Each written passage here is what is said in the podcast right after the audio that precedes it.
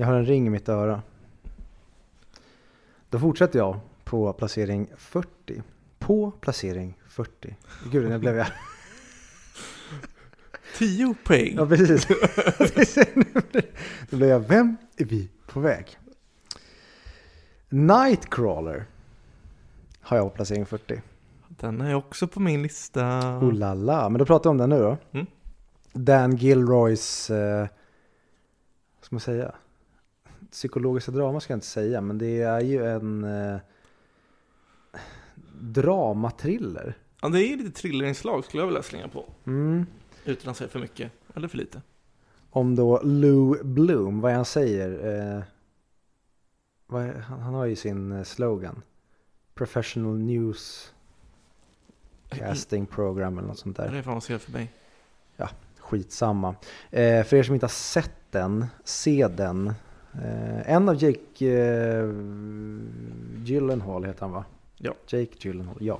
En av Jake Gyllenhaals absolut bästa roller skulle jag säga. Håller med. Men, men han har också jättemånga bra roller. Men en av de bästa. Märkligt att han inte blev Oscarsnominerad tycker jag. För den ja. Mm, Oh ja. verkligen. Eh, ja, vidare till placering 39. Där har jag Inglourious Bastards. Finns på min lista. Och den har vi ett avsnitt om. Ja. On to the next. Placering 38. The Departed. Har vi avsnitt om. Placering 37. Men det här är ju sjukt. Den filmen försvann också bara för mig. Den borde jag ha med. The Departed. Den är asbra. Säger du Departed eller The Departed? The Departed. Det var jobbigt. Ja. Men ja, återigen. Jag får revidera min lista efter avsnittet. Du får spela in en monolog sen. Men det är så konstigt, för jag gick igenom 100-listan också. Gör du? Jag så tänkte jag så här, ja men det här gillar jag inte, den här borde vara med, den här borde vara med. Så började jag därifrån och sen så gick jag vidare. Men det Departed, ja, jag fattar inte. Ja, Vidare till placering 37. The Silence of the Lambs. också med på min lista. Också med på listan. Så vidare. Placering 36. Once upon a time in America. Också med på min lista. Med på listan. Okej, nu då. Placering 35. Jurassic Park. Nej. Nej! Nej. Berätta. Men det är dinosaurier som springer runt. Det är en dinosaurie som springer runt. Nej, det är flera. Ja, du, du, du tänker på Jurassic Park 3. Men, men är det är, är det en topp 100-film?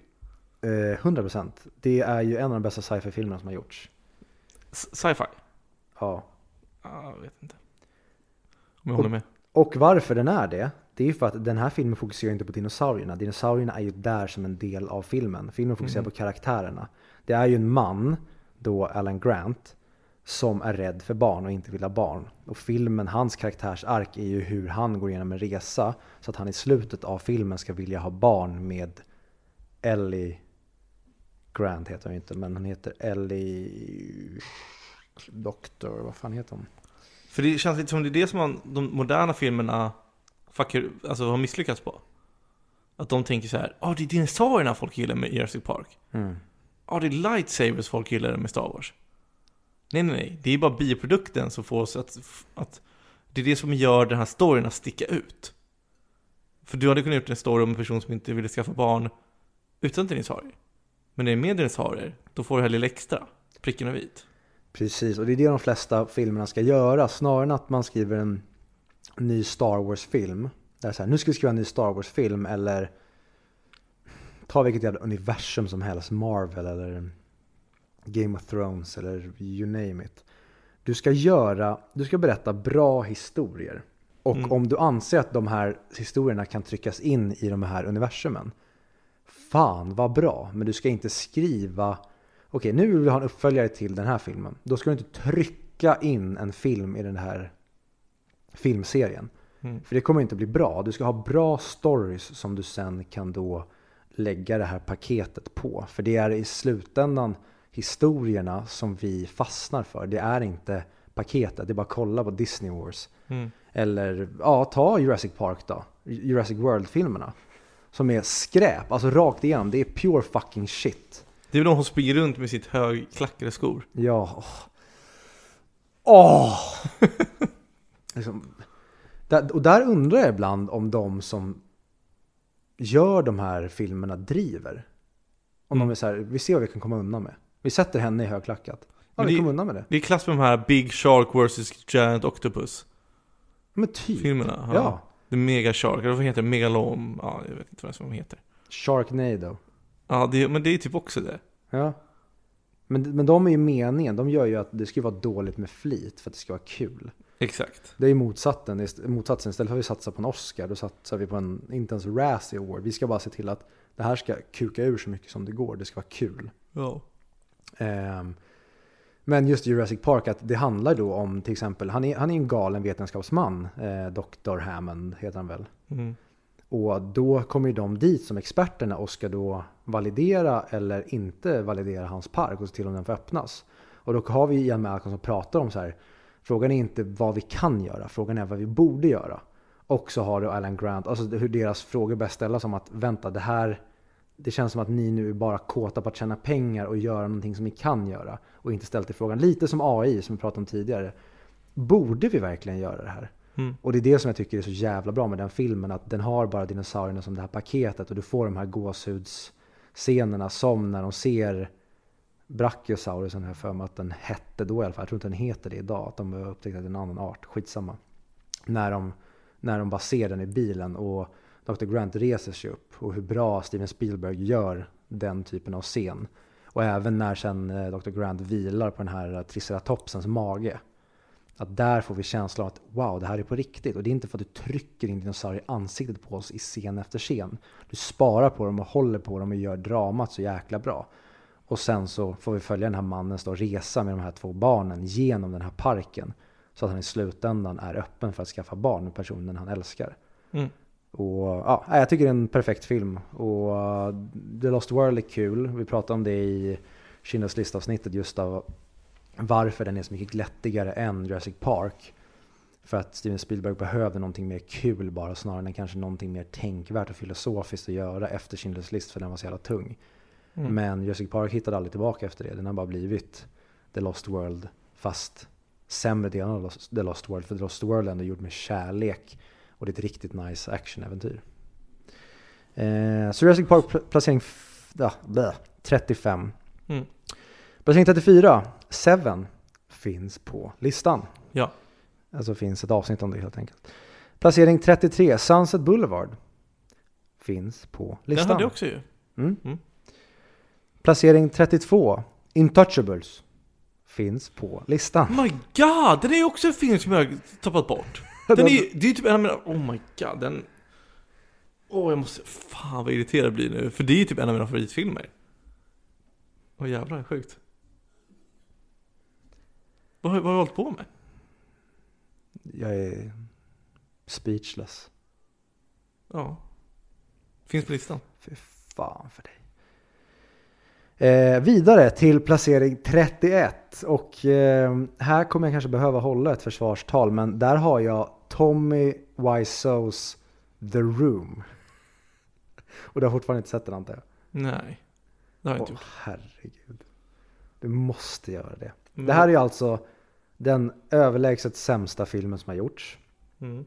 Men på grund av att den är gjord som den är gjord och hur misslyckad den är så är det ju en av de bästa filmerna som har gjorts.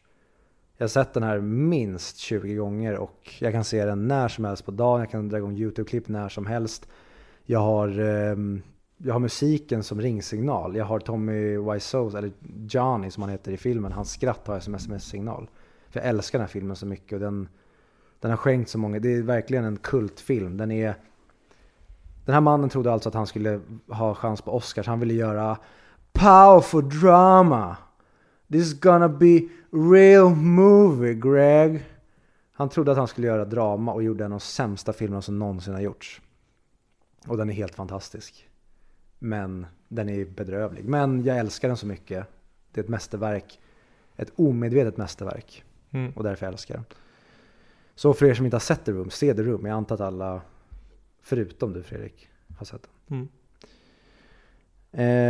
Eh, och det var det. Det var min fram till placering 31. Så nu får du köra placering, blir det 30 till 10 va? Ja. Eller blir det det? Nej, ja, för nej, 40 ska jag börja från. Och det tråkiga nu, ja, inga av de här filmerna kan jag byta ut till Intouchables. För alla de här filmerna vill jag ha på listan. Så den, så den hade fått hoppa in kanske någonstans här, men då hade alla fått flyttas ner. Men det fixar vi sen. Skitsamma. Jag ber om ursäkt i förväg. Placering Men- 40. Ta bort den, om vi tar bort um, Eternal Sunshine of Spotless Mind. Hur visste du att jag hade den? den är kvar. Nummer 40. Spir- eh, Spirited Away.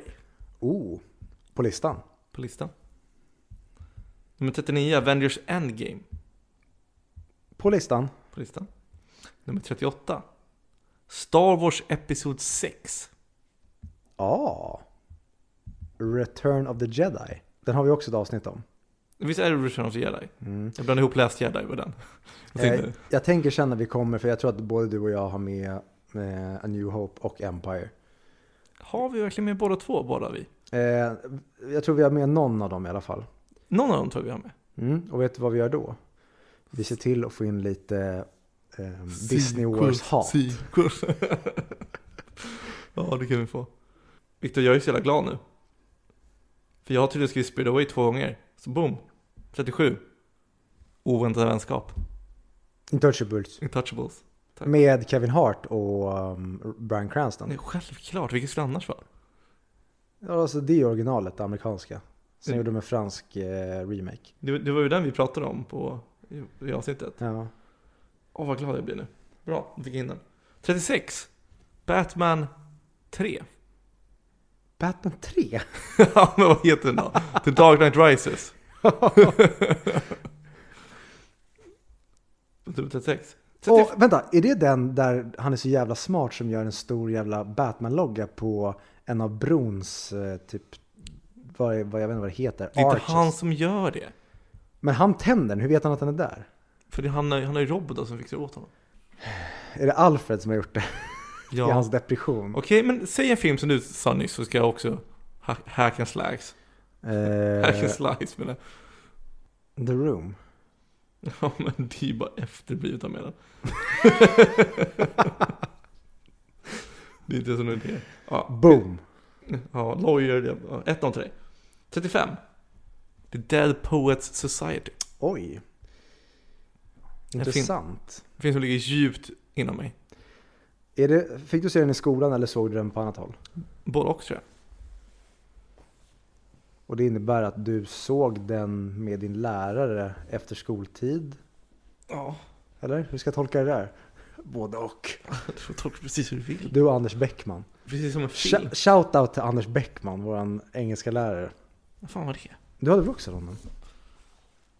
Hade jag? Hade du inte? Är mycket möjligt, jag kommer inte ihåg. Du gick ju årskursen under mig. Jo men det måste jag ha haft. lärare. Men det hade jag. Nej men jag tror jag satt den innan och på med i skolan. Men det är så jävla powerful touch. Och Captain My Captain. Och allt det som händer i när hur Robbie Williams ändrar deras liv.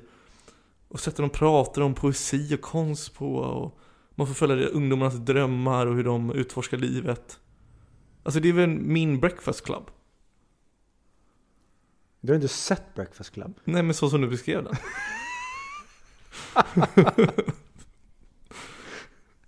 Alright. En bättre version på breakfast club brukar jag beskriva den som. Mm. Eh, jag minns den som väldigt bra, men också en sån här film som på grund av att jag såg den i skolan så kändes det som att nej, men den är ganska överskattad. Men Robin Williams som lärare är ju alltid king. Mm. Han är så jävla bra. Och jag sörjer att, det är klart jag sörjer att han är död. Där har jag by the way hans självbiografi. Äsch.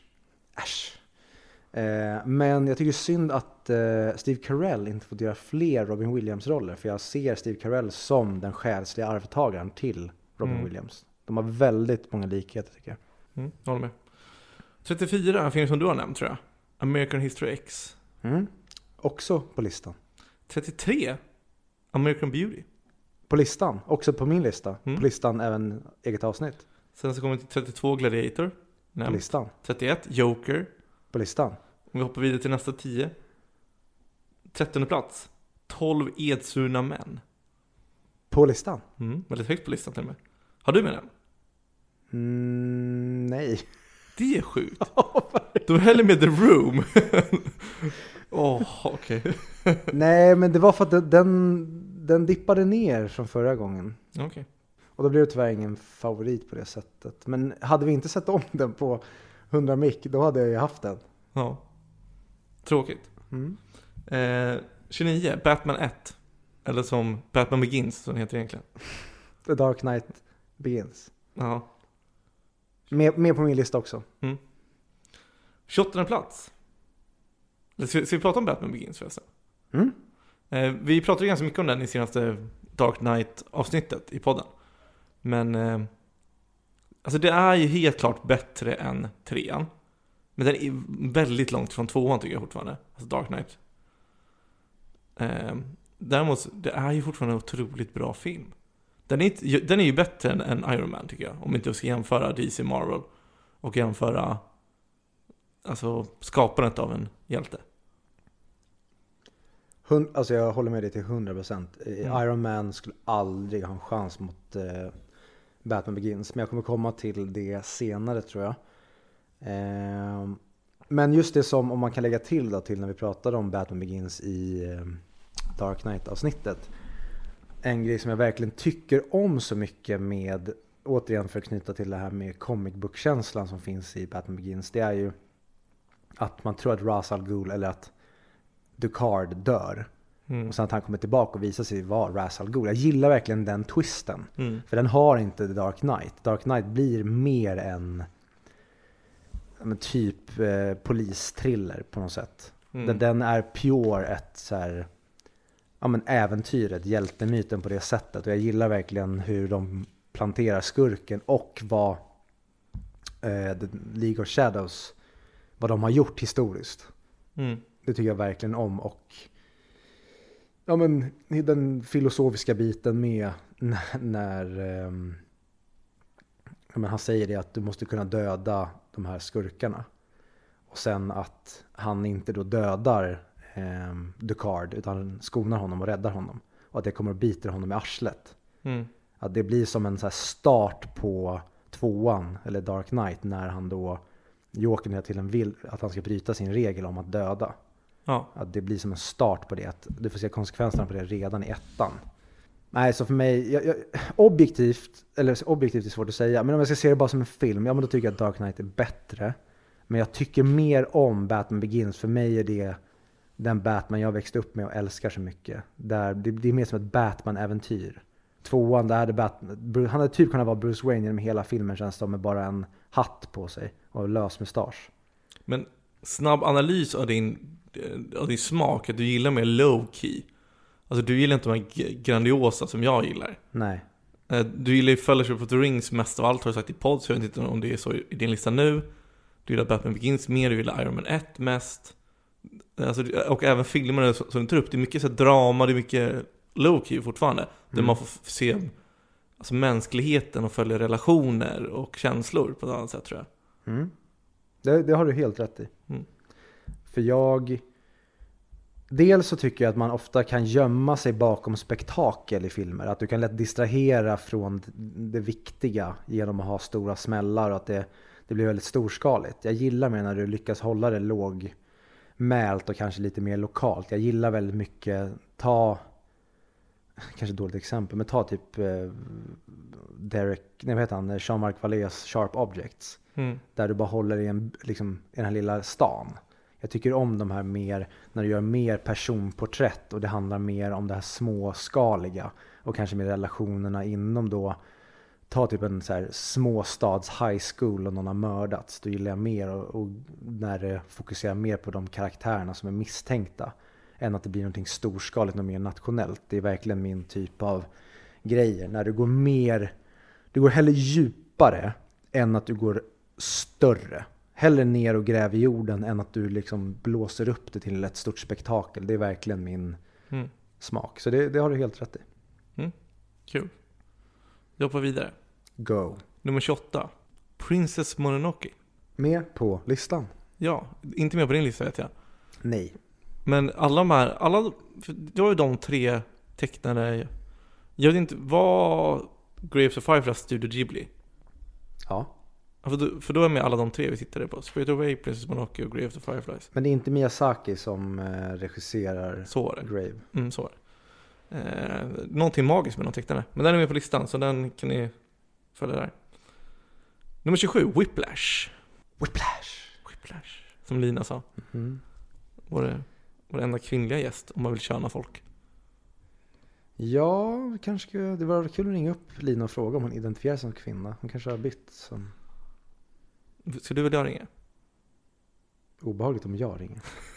Hej Lina. Jag vill bara veta om du är man eller kvinna. Nej, Nästa film så, jag, har du kollat på länken som jag skickade till dig? nej. Kan du kolla på den? Du måste ha ljud på. Okej, jag öppnar eh, Meta Messenger som det nu för tiden heter, sen Facebook har bytt namn. Eh, Friedrich Spielberg, Youtube. Tryck för ljud.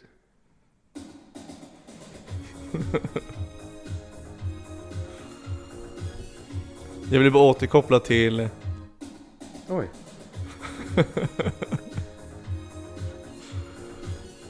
We're the strangest to love. Åh. Fem av fem låt. Det är ju det.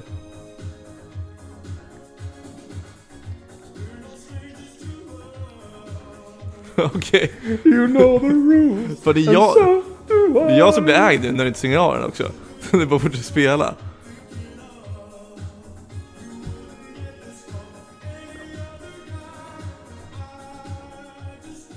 Det är ju få artister som matchar så dåligt utseende och röst. Ja. Never gonna let you down. Nej men det här är en lite återkoppling. Var det avsnitt två eller tre? När du rickrollade mig. Ja, Mm. där förklarar vad Rickroll var för något. Eh, vilket var kul, för det var några av våra tidigare listor, två stycken, som jag känner, som skrev till mig och tyckte det var jättekul. Just det konceptet, att, eh, att rickrolla folk. Men det var bara originallåten. Ja, men jag orkar inte hitta någon bra länk, så jag skickar bara över den till dig. Och sen så, nu har jag druckit lite och så vidare, så jag ville bara skicka över den. Kul, jag kollade på um, It's Always Sunny in Philadelphia idag. Mm, bra serie. Och då är det en, serie, eller en scen när ehm, Dennis. Dennis, ja Mm. tack, jag tänkte säga Harry men det heter han inte. Eh, då sitter han i bilen och sjunger till Never gonna give you up. Och så säger eh, Sweet D bara, vad fan lyssnar du på? Han bara, Rick Astley. så, så, vad är det som är konstigt med det? ja, underbar serie. Men det, det för oss ändå lite in på det här med lurandet och, eh, och allt det här. Nummer 26, Gone Girl. Ah! Den är också med på din lista. Helge Norrtälje. Vi har ju pratat om det, men vi, vi, har, vi har inte haft den som film va, i vår lista. Nej, så jag tycker eh, Let's talk about it. Kan den, åh, nej, jag vill inte slå på, på den stora trumman än. Men en av de bästa, alltså mystery, detektiv, thriller, dramas filmerna som finns. Jag håller med dig. Och jag tror att när den kom hade så många så höga förväntningar på att det var en ny David Fincher-film. Att de blev besvikna. Och Ja. många kanske hade läst boken. Och boken Ja. kanske gjorde någonting som filmen kanske inte gjorde. Men jag som inte hade någon vetskap om grundmaterialet. Mm. Det är och, många bra bioupplevelser men det är en av de bästa bioupplevelserna för att det han gör där i den filmen är verkligen allt jag älskar i en, eh, som säger, en deckare. Mm. Och jag, eh, alltså när man pratar idag modernt liksom om det ska vara starka kvinnor hit och dit bla bla. Rosamund Pikes som Amazing Amy är en av de bästa psykopaterna på film någonsin. Verkligen. Och då om man kopplar till liksom så här, vad är andemeningen? Ja, hon gör ju allt det här för att hon vill att hennes man ska steppa upp Mm. och bli liksom en riktig kar. Alltså ta tag i saker, skärpa till sig, sluta vara den här jävla tönten. Mm. Och hon är villig att gå så jävla långt för det. Men även som vi har pratat om när vi har pratat om den i podden tror jag att du kan se den första gången. Sen blir det en helt annan film andra gången. För du ser andra grejer i den då. Och det är det jag tycker också att den håller helt sömlöst även när du ser om den med vetskapen om vad som kommer ske. Mm. Det är ju sån här rollercoaster, för man fattar aldrig vem som är ond och vem som är god. Och sen, och sen när man får se henne, att hon har skrivit alla de här dagböckerna på en dag och så här, man bara What the fuck? Mm. Hon är superpsykopat. Ja, hon är så jävla bra. Och jag vet inte, har du sett filmen I care a lot? Nej. Med också Rosamund Pike från i år. Det är en av de sämsta filmerna jag sett på flera år. Okej. För att där är en regissör som har sett Gone Girl och tänkt att nu ska vi ha Rosamund Pike igen. Hon ska göra exakt samma roll som i Gone Girl. Mm. Och där är en person återigen till att prata om starka kvinnoroller. En person som har missuppfattat, alltså som, som tror att starka manliga karaktärer är starka, eller är män som kör över folk. Mm. Så det är det han, den här regissören har gjort i den här filmen. Den har bara gjort Rosamund Pike och jag tror det är Elsa Gonzales tror hon heter. Eller Eliza Gonzales. De spelar då ett par som blåser typ så nursing homes och får folk satta på vårdhem mot deras vilja Mm. och tjäna pengar på det. Och de är bara två rövhål från första stund till sista stund. Och det är som att filmen vill att vi ska börja bry oss om dem mitt under filmen. Men jag hejar ju bara på alla de som de sätter sig upp emot. Alltså egentligen de som de ska kriga emot. Till exempel Peter Dinklage, Tyrion Lannister, Mm. är deras motståndare. Och han ska vara skurken. Men jag hejar på honom. För att Rosamund Pikes karaktär är så fruktansvärt jävla osympatisk. Och där återigen, de har missuppfattat vad det innebär att vara en stark kvinna. En stark kvinna innebär att du är stark på ett kvinnligt sätt. Du är inte stark genom att du är en osympatisk, manipulativ jävla rövhatt. Liksom som är en dålig stark man, än då en tyrann. Och det har de missuppfattat helt och hållet. Och den här filmen blir till slut bara ett skämt. Mm. Rakt igenom. Nej, men åter till- tillbaka till Gone Girl. Den, kanske inte David Finchers bästa, om man skulle vara så. Men det är def- definitivt min favorit av David Fincher. För den filmen, jag, jag kan typ se den när som helst. Och den har, där är David Fincher perfekt i sitt tempo. Det är nästan som en musikvideo från start till stopp. Den har sån jävla bra balans och takt hela tiden så att man blir aldrig uttråkad. Den har högt tempo, mycket information, varenda bild är snygg och den är informativ, lurig, den vänder fram och tillbaka, den sätter karaktärerna i klaveret hela jävla tiden och de får lösa det och man hejar på dem samtidigt som man hatar dem. Som du säger, de är gråa, det är ingen ond, ingen är god, alla är rövhål. Och som jag nämnde tidigare, den här uppläsningen av våra listor. Här är fan Ben Affleck bra. Ja, här är han riktigt bra. Men det är samma sak, jag tycker han är jättebra som eh, Bruce Wayne och Batman. Som den här bittra gamla. Sen tycker jag att filmen kanske skriver honom som en idiot. Och att han blir då liksom den modiska Batman. Mm. Men jag tycker att han i sin roll är kanon. Jag tycker han är klockren som Bruce Wayne. Speciellt i Snyder Cut. Då har de gjort honom mycket bättre än i original eh, Justice League. Oj, Snyder Cut. Den var fan, den var underhållande. Mm. Det är ändå ett step upp Mm. kan man lugnt säga från, eh, vad heter han då? Joss Whedon var det var som gjorde, fick ta över. Ja. Men, 25. Inception. Med på min lista högre upp och den har vi haft ett avsnitt om. 24. Nightcrawler. Åh, den hade jag med på min lista tror jag. Men den pratade vi om ju. Jag vet. Ja, jag vet inte. Men eh, har du något att tillägga om den eller? Ja, men alltså, den är så obehagligt vacker. Och den är så obehagligt så här. äh, Man får se den roa mänskligheten. Det här med att han iscenlägger en olycksplats. Mm. Bara för att han ska komma först. Han får, hans, får inte någon som han jobbar med att vara med i en olycka. Nej, han kapar ju bromsen på en, på en, på en konkurrent. Som är Ja. med i olycka, så står han och filmar där. Ja men precis, den konkurrenten som han Ja. eh, typ eh, beefar lite med. Ja. Han ser till att han röjs ur vägen. Ja. Och sen eh, Riz Ahmeds eh, karaktär som är med, han ser till att han också hamnar i en olycka. Mm. och filma det. Och det, jag gillar verkligen, eh, alltså, ja det handlar om en news eh, reporter, eller en fotograf. Men det den visar är ju otroligt drivna människor. Vad är de villiga att göra för att lyckas med sitt mål? Och då får vi följa den här psykopaten Lou ehm, i den här filmen som jag tycker är sömlös. Alltså det, den, är, den är varken för lång eller för kort. Den är exakt det paketet den behöver vara. Mm. Håller med. Nummer 23, X-makerna. Som vi har pratat om. 22, Pulp Fiction På listan? på listan. Och nummer 21, Shawshank Redemption. Ja, den där gamla dängan. Mm. Så 20 platser ner har han åkt ner på min lista. Vill du köra? Ja, då kör jag från placering 30 och på placering 30 har den här uh, The Lord of the Rings The Two Towers Mm. på listan. Och på min lista.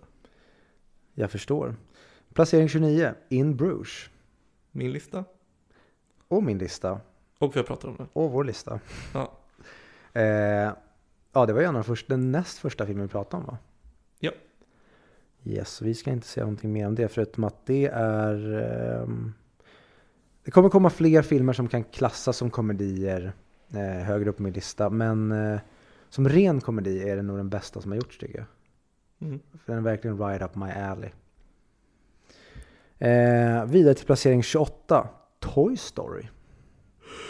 Jag visste att du skulle mena jävla filmen. Passande att du drog gäspen i. Sorry. Nej men det var ju bara en extra styrka i din Ja, besvikelse. så jävla tråkig film. Nej men jag Nej. säger det i vårt Toy Story-avsnitt men Barndom och så vidare. Ja, men jag tycker också att det är den perfekt animerade filmen som den hade kunnat målas om till en live action-rulle med andra karaktärer som inte är en cowboydocka och en eh, jävla rymdgubbe. Den hade kunnat funka precis lika bra. Det handlar om liksom rivalisering, hierarki, vad händer när du inte allting det du har haft är, ja, tas ifrån dig. Ni får lyssna Men på hur avsnittet. realistiskt är det med levande leksaker? Nej, jag skämtar. Ja, eh, placering 27. Eh, American Beauty. Mm. På listan. Mm. Och eh, då kommer vi till placering 26 då. Åh nej. Nicholas Winding Refns Drive. Mm. Och eh, jag, har, jag vill ju ha med den här på någon placering på listan. Också en film som jag är väldigt rädd för att se om. För att jag är rädd för att Filmskole-Viktor ska tycka att det här var pretentiös, cool, liksom, de pratar inte så mycket. Det är ganska mycket slow motion. Show don't tell. Ja, men precis. Men jag tror kanske samtidigt inte det. Men det här är verkligen hur du gör en... Det, det, det är ju nästan som en westernrulle, att han rider in i stan, räddar dagen och liksom hjälper människorna och sen drar han vidare. I det här fallet så, han dör väl inte utan man får bara inte veta vad som händer med honom. Men äh, jag tycker så otroligt mycket om den. Musiken i den är helt jävla fantastisk. Alltså Kavinskys Nightcall. Är en låt jag kan dra på när som helst och bara jamma med till. Även, vad heter den? Eh, Under Your Spell är en otrolig låt på det soundtracket. Uh, du har Carey Mulligan, du har Bryan Cranston, du har Ron Perlman, du har Oscar Isaac med. Eh, aj, den är så jävla, en grym jävla action-thriller. Mm. Som inte har för mycket dialog utan den fokuserar på att visa, som du säger, snarare än att berätta. Mm. Var det en konstpaus du finner på det? Ja. Eller boss move. Mm. Går vi vidare till placering 25 där jag har The Wolf of Wall Street. Mm. En riktig banger. Är den med på din lista? Ja, vi sparar ju den till, till, till du skulle ta upp den. Just det, det var så. Den kom tidigt va? Mm. Mm. Det här är ju den komedin då som är högst upp på min lista i och med att det här är ju en komedi. Och jag vet att det var mycket kritik mot den här när den kom om att Åh, den glorifierar den här livsstilen och åh, det, de våldtar flygvärdinnan på flygplanet och det här är verkligen den grisigaste värsta sidan av det- kapitalism. Var det filmmixen? Ja, Åh, det är fan, det avsnittet vi har lyssnat på igen. För det är ja så- det är Hon tjejen är så efterbliven som är med där. Alltså, ja, det, är, det är en våldtäktsscen. Det här är inte acceptabelt. Jo, men det finns olika grader av våldtäkt i så fall. Om vi då väljer k- k- klassificera det som våldtäkt, det finns olika grader av det. Jag, här, jag ska gå in i, i försvar till henne och säga så här. Hon, hon var säkert nyvaken eh, extrem feminist och kände att hon hade förstått allting med livet och att patriarkatet tryckte ner alla och liksom helt onyanserad. Mm. Så hon kanske var lite för i gasen när det kommer till det. Men att på något sätt påstå att det som sker på det där flygplanet är en våldtäkt.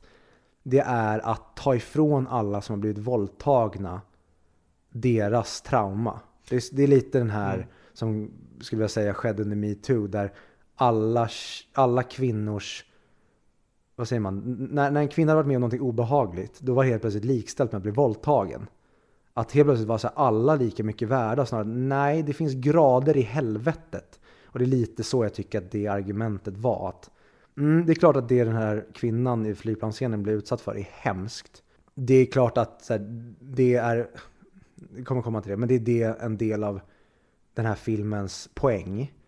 Men att säga att den här kvinnan blir våldtagen, det är att ta ifrån alla våldtäktsoffer deras, alltså det, är här, det, det är att, vad säger man, sänka deras vidriga upplevelser. Fan ska man uttrycka sig? Upplevelse låter också som att You've been on a joyride! En, en kanske helt orimlig tanke. Jag vet inte, det är kanske viner som talar. Men det är många tjejer som tycker så här att bröst ska, ska sluta sexualiseras. Eller? Okej.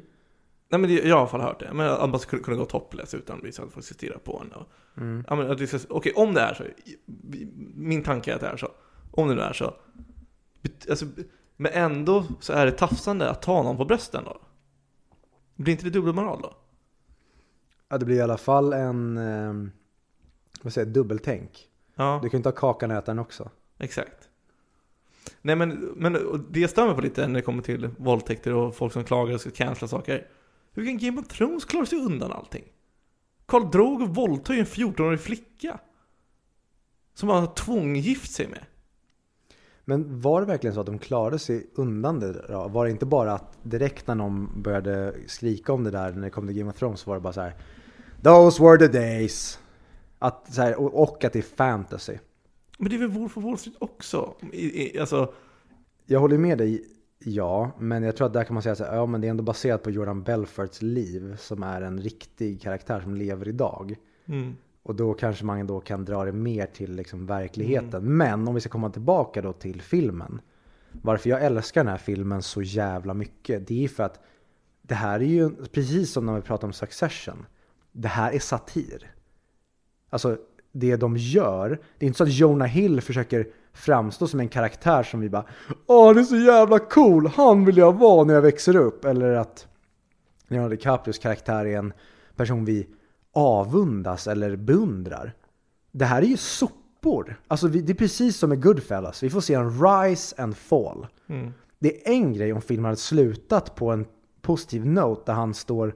Alltså filmen slutar där han, eh, vad heter det, kastar sedlarna mot polisen och bara Fuck you, ingen kommer åt mig. mm, Ja men då kan jag köpa att det hade varit någon slags glorifiering av det här.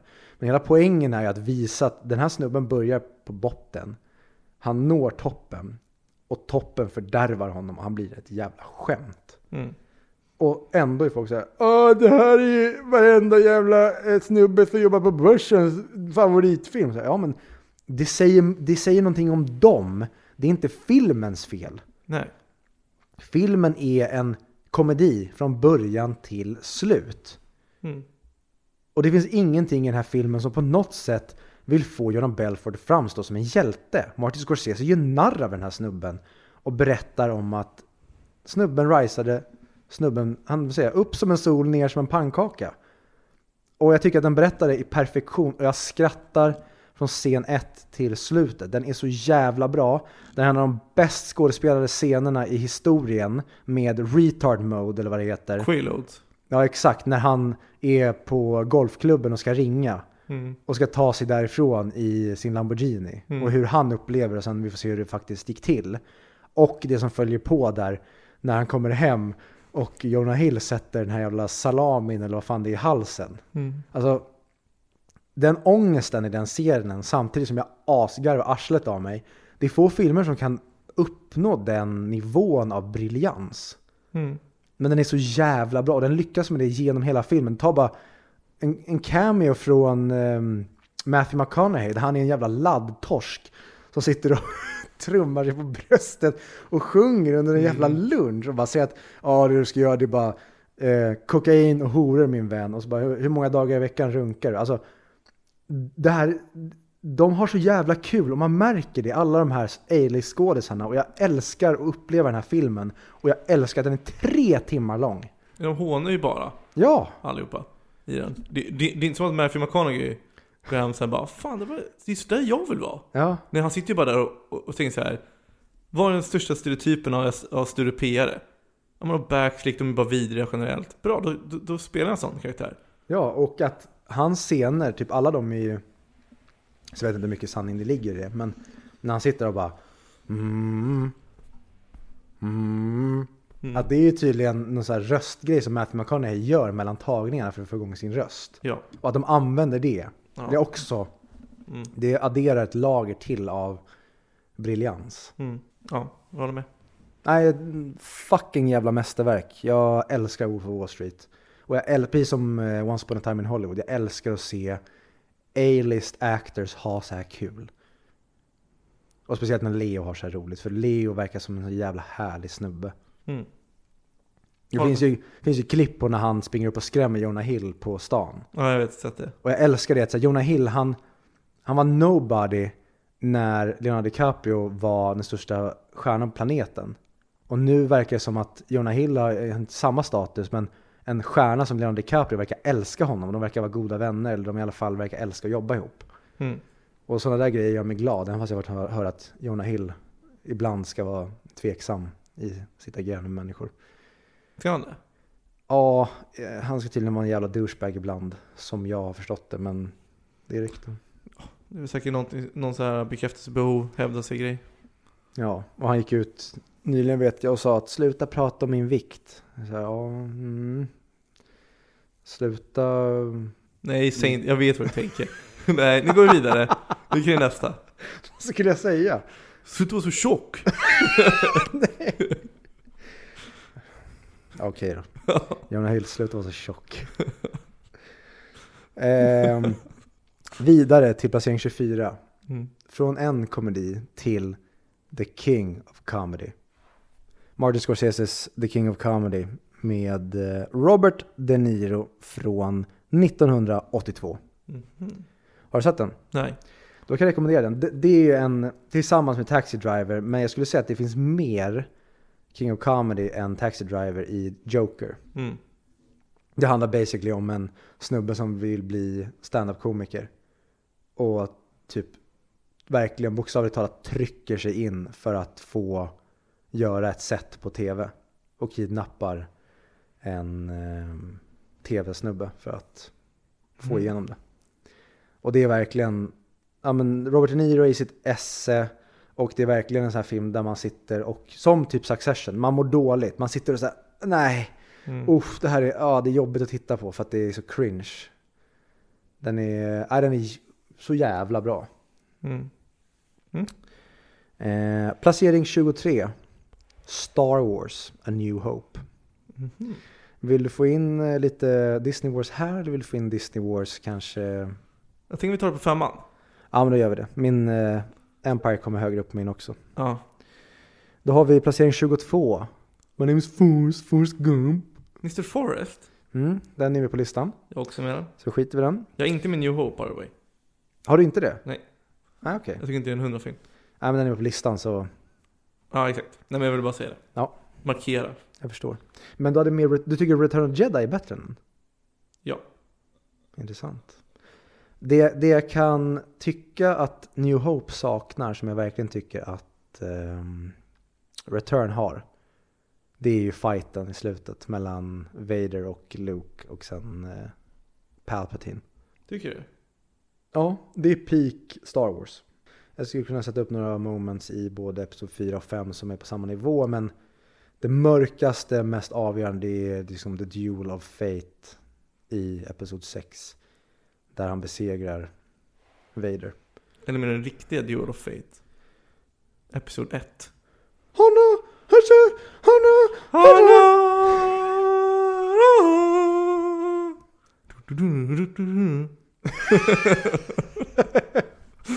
Sorry. Vad var det? Jag vet inte. Forrest Gump sa du? Eh, ja, placering 22. Placering 21, Interstellar. Och det är intressant för jag trodde Interstellar skulle hamna högre upp. Men den har svalnat på mig för varje år som går. Du är ingen true Nona fanboy? Jag tror fan inte att jag är det. Sebastian Mattsson har kommit till dig? Jag tror det. Jag vill bara... Min dröm är att bli kompis med honom så jag försöker bara smöra. Ja. Kalle Klick är den bästa boken jag läst. Som att han lyssnar. Det är lite pretentiöst att tro att det är faktiskt någon som lyssnar.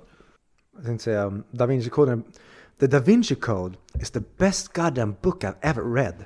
Var fan kommer det ifrån? Nej, jag menar bara att Dan Brown kanske lyssnar. Och då, Vad fan vill du komma med han för? nej, jag bara tog någon sån Av alla du valde så var det fucking Darren Brown. Men jag tänkte på så här, vad gillar jag för... Inte Eh, Stephen King liksom. nej, Eller Mr Rowling. Jag tror inte jag... Ja, eh, Harry Potter is the most goddamn brilliant book I've ever read. Jag har ju alla Harry Potter, alla åtta Harry Potter-filmer på 1 till 8. I min topp 100. Jaha. Kul. Ehm, jag kommer komma in på det sen, men jag och Alex ska göra en podd. Mm. Och där pratade vi om vad vi skulle starta med. Mm. Och planen var från början att starta med Harry Potter. Ja. Men nu kanske vi ska starta med Spider-Man istället. Amazing Spider-Man.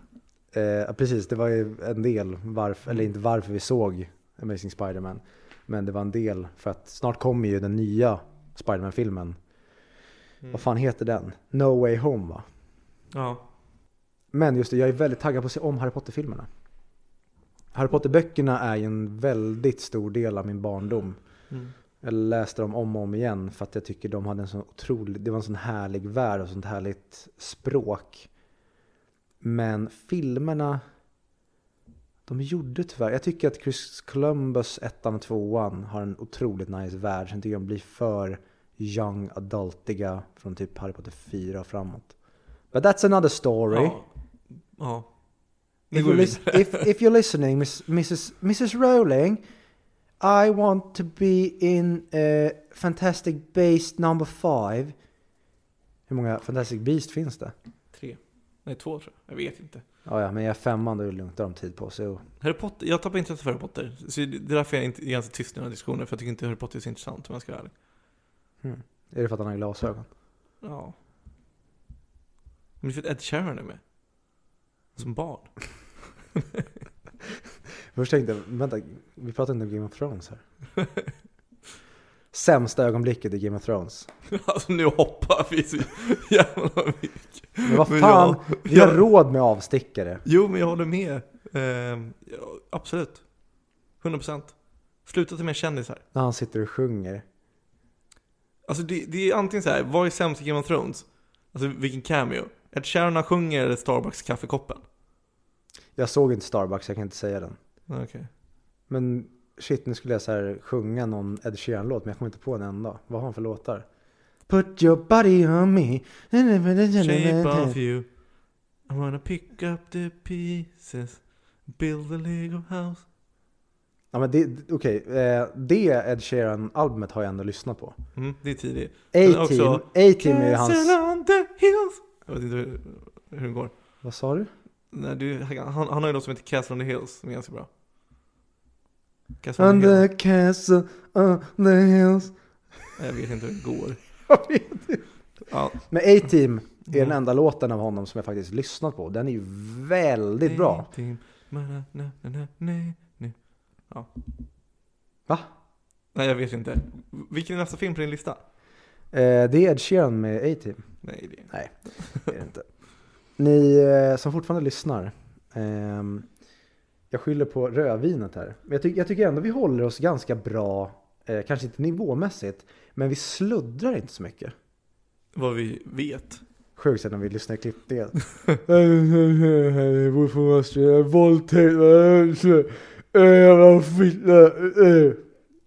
Eller vad vet jag. Det är så Becka säger att jag låter när jag kommer hem en dålig tisdag från jobbet. Jag sitter ju bara här och skakar i benen för jag är så eager att komma till topp 10. Och sen så hör jag dig svamla om Harry Potter.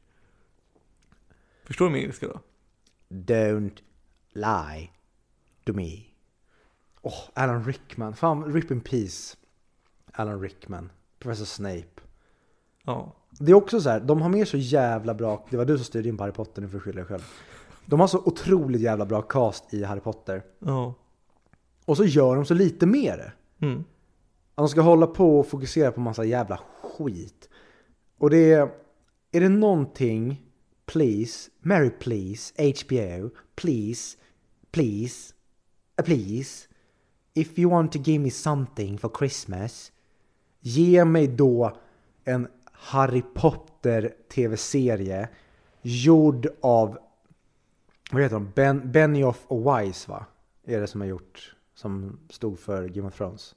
Mm. David Benioff och snälla, ge mig en säsong per bok. Det är, det är dags nu. Jag, klarar jag klarar mig utan det. Nej, du skulle inte klara ut det. Skulle du se en Game of Thrones producerad Harry Potter-serie? Men varför kan vi inte bara ta en bra story istället då använda? För att Harry Potter Sagan om ringen, Star Wars, Men du ska ju få Sagan om ringen. Dune.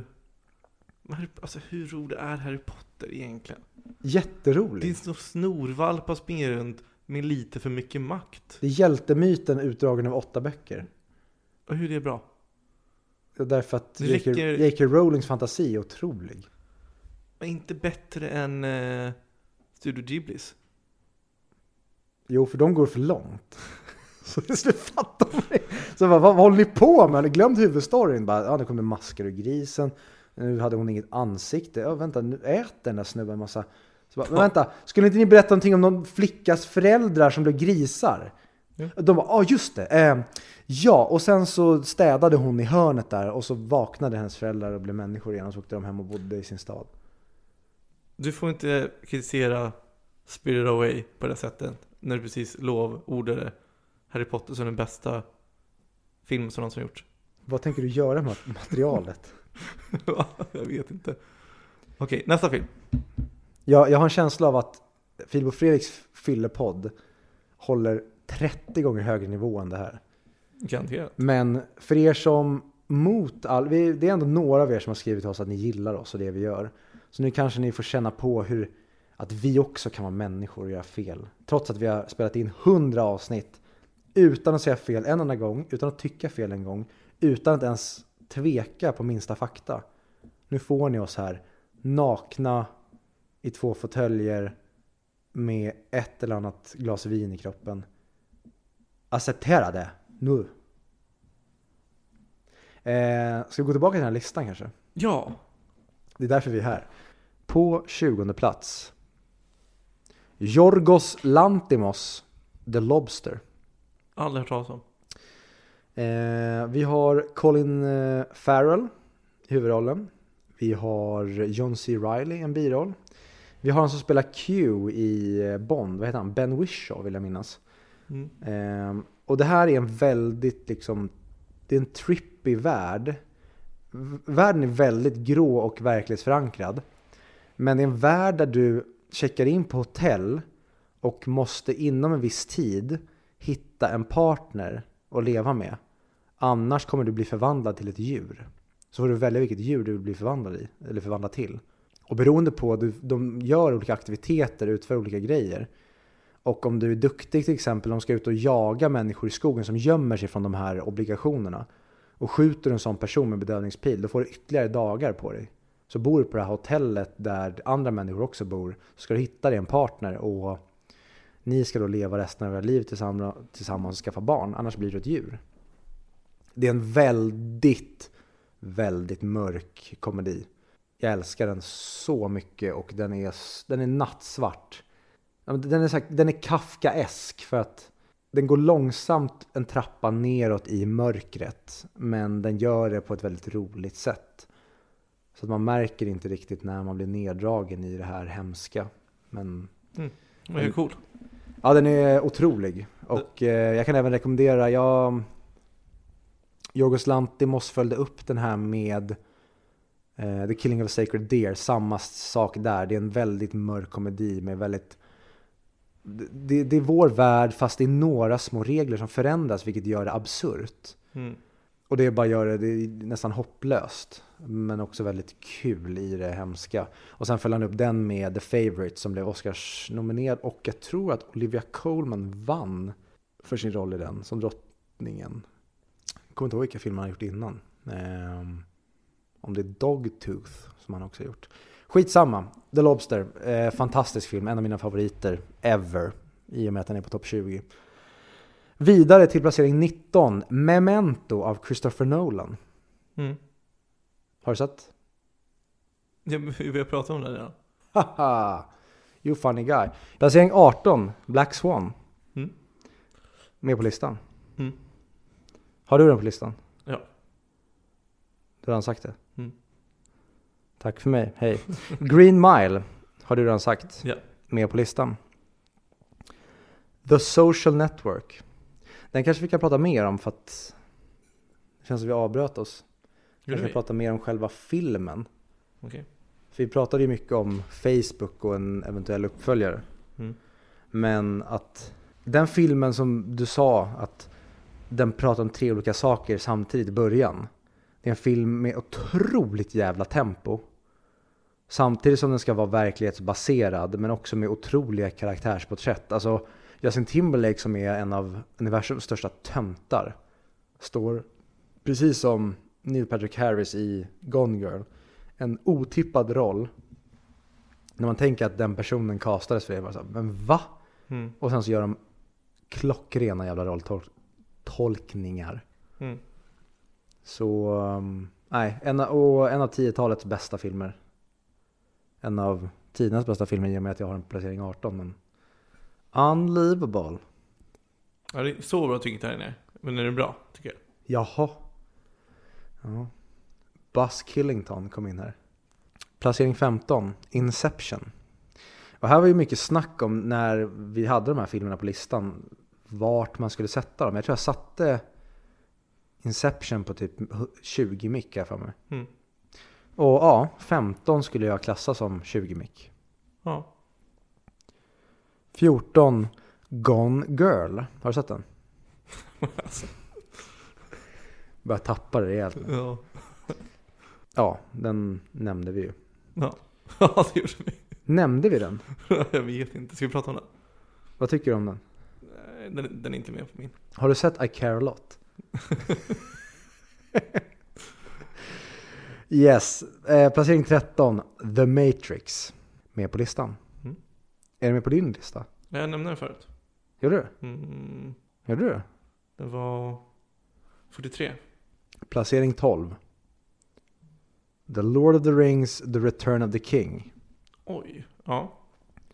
Jag tänker sen, topp 10. Mm. Då tycker vi kan prata lite om varje film. Okej. Och inte bara säga att den finns på listan. Nej. Jag stoppar jag kör placering 11. Så kör du upp till placering Mm. och till och med 11. Och sen så kör vi våra, ska vi köra varannan på topp 10? Ja. Great. Placering 11, The Dark Knight. Den hade jag på placering, eller på topp 10 innan. Men jag flyttade den till eh, 11, varför jag kände att nej, kan inte ha så här många Nolan på min topp 10. Eh, om ni vill, lyssna på vårt Dark Knight-avsnitt. Jag tycker vi säger alldeles för lite i den. Jag tycker vi fokuserar på massa grejer runt filmen. Gör vi? Mm.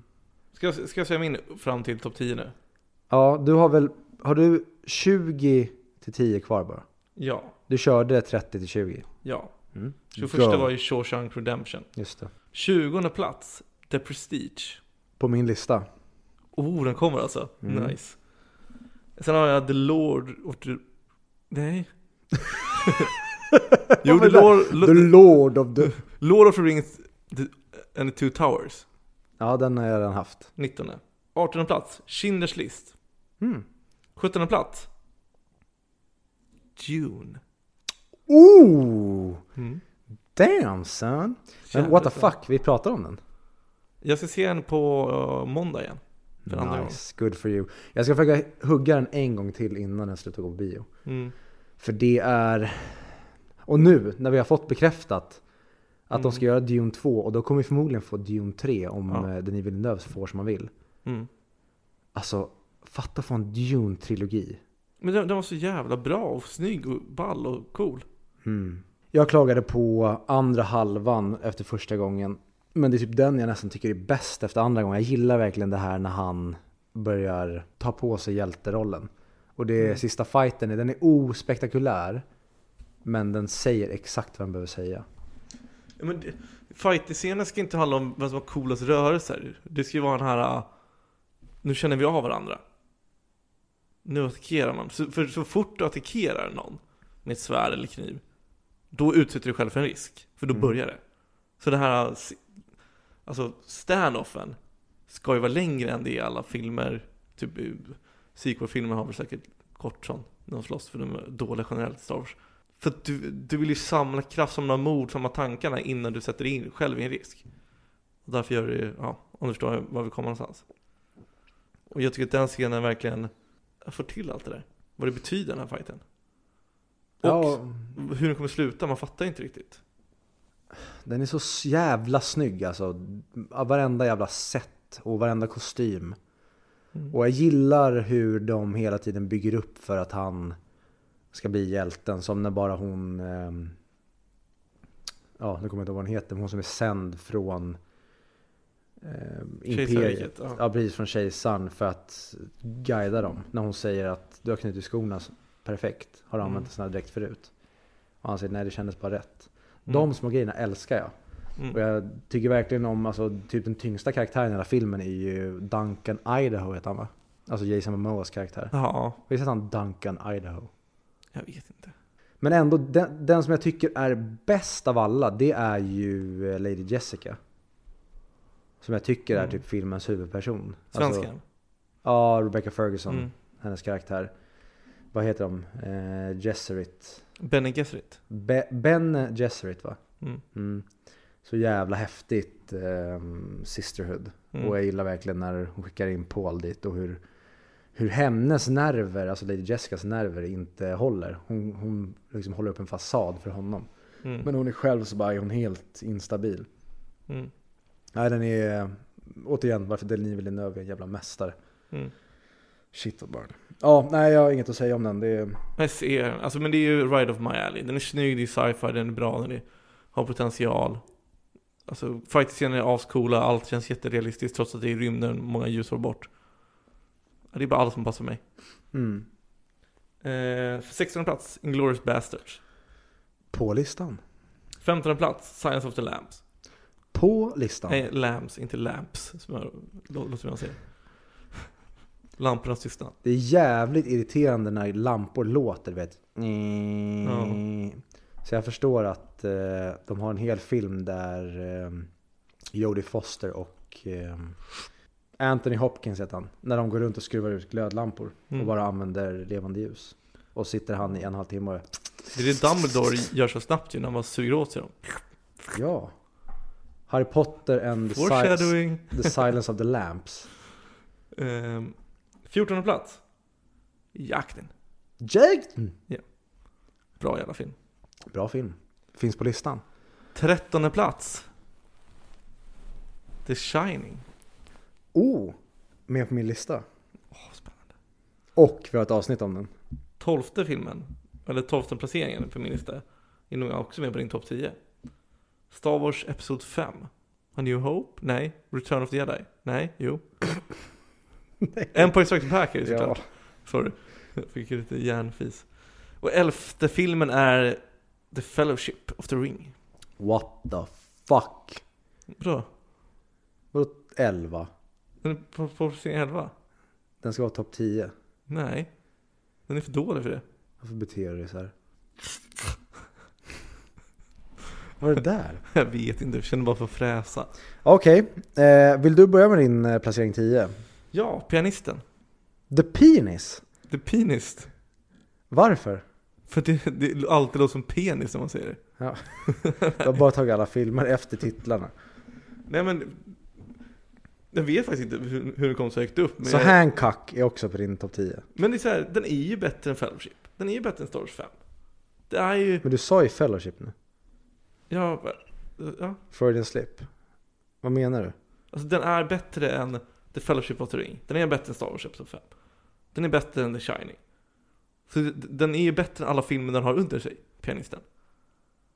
Det är därför den är på topp 10. Eller vad är det du inte förstår? Get out of my house. Men alltså den är ju otrolig den filmen. Från start till slut. Men Schindler's list är bättre. Jag tycker inte det. Men det är ingen åsikt. Nej, jag. Tyck rätt eller fel eller gå ifrån. Den spelar ju på alla tangenter och de spelar på tangenterna helt rätt. Du får fram en symfoni. Ja, är det för att han spelar piano eller? Ja. Ja, okej. Oj vad du nådde. Börjar du bli så här drygvikt eller? Nu- du sitter med en öl i handen. Topp 10, nu ska jag bara vara ett svin. Ja. Ja, vadå? Älskar du judar eller? Ja, ser det på dig. Är det för att du är blond? Ja, ditt, du måste betala tillbaka för det din ras har gjort tidigare. Ja, jag förstår det. Usch. Men det vi kom fram till är att Visst är sant? Eh, men eh, mm, otrolig film. den är jättebra. Vad är din topp 10?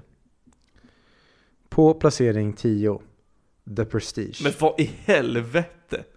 Va? Jag skämtar bara. Vad fan håller du på med? Det är en jättebra film. Eh, och om man då ska ge en kommentar till den, det är ju att jag tycker ju att det den gör, den här filmen, det är att den håller en perfekt balans i det verkliga. Men den tar små avstamp i liksom mystiken. Om det går, och det är därför det är så grymt att de blandar in Tesla. För att här, där finns det små hopp i det liksom sci-fi-mässiga. Men de går aldrig supermycket dit. Utan allt de använder är fortfarande väldigt low key Mm. väldigt effekt, eh, alltså CGI sparsamt och det är rakt hem hos mig. Mm. Eh, den är perfekt från början till slut. Grym film om liksom besatthet och rivalitet. Håller med. Fucking love it. Och det är, Det är så mycket lager i den filmen. ja, men det är jävligt intressant för, okej, nej. Det, okej, det här är, jag tycker att det är Nolans bästa film tror jag. Men det är inte den, plac- den filmen jag har högst upp av hans filmer på listan. Tack för mig, hej. Över till dig, placering 9. Du har sagt den här filmen innan. Eternal Sunshine of the Spotless Mind. Mm, jag tror den skulle vara etta. Trodde du det? Mm. Mm, kunde ha varit det. Nummer nio. Varför? Jag mår så jävla bra den filmen. Fast den är så jävla mörk. Ja. För jag vill vara i den hela tiden. Den gör allting rätt. Jag tycker den är så otroligt cool. Ihopklippt. Bilderna. Storyn. Jag älskar eh, Jim Carrey i den rollen. Jag älskar eh, Kate Winslet i den rollen. Ja, Mark Ruffalo. Han gamla gubben som jag inte kommer ihåg vad han heter. Kirsten Dunst är väl också med? Ja, Kirsten Dunst. Eh, Elijah Wood. Tom Wilkinson heter han väl. Eh, som Mm, även är mm. Falcone i Batman Begins. Exakt. Ja, det är helt magiskt tycker jag. Mm. Nej men den, den är jättebra. Och jag tror att, jag vet inte vad det är. Det är någonting bara med, så vad säger man, hjärteträffen. Mm. Som gör att den inte når hela vägen fram till mig till en topp 100. Men den är jättebra. Mm. Det är så många filmer som försöker sig på det där och misslyckas. Ja men det är Kaufman. Som har gett Ja. sig in. Jag tror han skrev manuset va? Eller någonting sånt där. Inte regi. Nej, det är inte, Kaufman ger inte regi på den tror jag. Ah, okej. Men han är med, han är involverad på något sätt. Och du vet ju, jag har ju kärlek till Kaufman. Jag älskar ju Think about ending things. Mm, jag har inte sett den. Den är inte med på min topp 100. Men Den, jag funderar på att ta med den. Men det, det känns lite som så här. Fast jag är inte så sugen på att kolla på den igen. Fast samtidigt vill jag se den igen. Ja, skitsamma. Det, lå- alltså det, är det, det låter ju som en film som är right up my alley. Ja, Jag vet inte varför jag inte har sett den än. Mm. Vad är din nummer nio då? Min nummer nio är Ari Asters Midsommar. Ja, just det. Har du sett den? Nej. Bra, för det har jag infört som en årlig tradition. Att jag har ju en eh, där jag bjuder in till alla veckan inför midsommar. Det har egentligen bara skett nu två gånger, eller om det här till och med var första gången i år. Men att se den inför midsommar som en tradition. Så att om det är någon lyssnare som av någon anledning skulle vilja hänga på nästa midsommar, bara dyka upp eller vi ser den med mig och mina polare. Jag vet inte varför man skulle vilja det. Men om man skulle vilja det så ser jag den varje midsommar från och med förra året eller förra, förra året. Jag kommer inte ihåg vilket år. Så kom en vecka innan midsommar till Barrskogsvägen 1 i Tyresö, portkod 1921. Ja, stämmer. Ni behöver inte ens anmäla närvaro. Nej, jag respekterar ännu mer om ni bara dyker upp och säger det. Men du skickar en inbjudan. Det är ännu mer coolt tycker jag när det är som att I received that letter 500 years ago. I've been walking through half the earth and now I'm here to fulfill my destiny.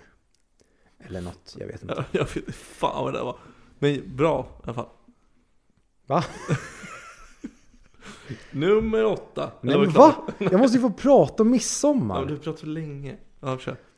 Den handlar egentligen om att det är fem amerikanska Fyra amerikanska studenter och deras svenska vän Pelle som åker och ska fira midsommar med Pelles svenska släkt i Hälsingland. Mm.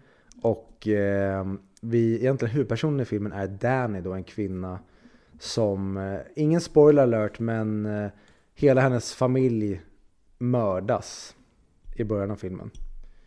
Och eh, hon ska då ta itu med det här och hennes halvt opolitliga pojkvän är med då på resan.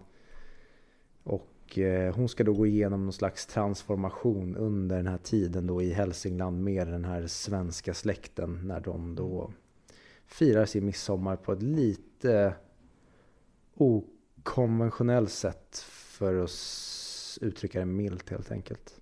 Mm. Och det är en av mina absoluta favoritfilmer. Jag älskar Ari Asters stil. Hereditary är en av mina favoritskräckfilmer. Tyvärr inte med på topp 100.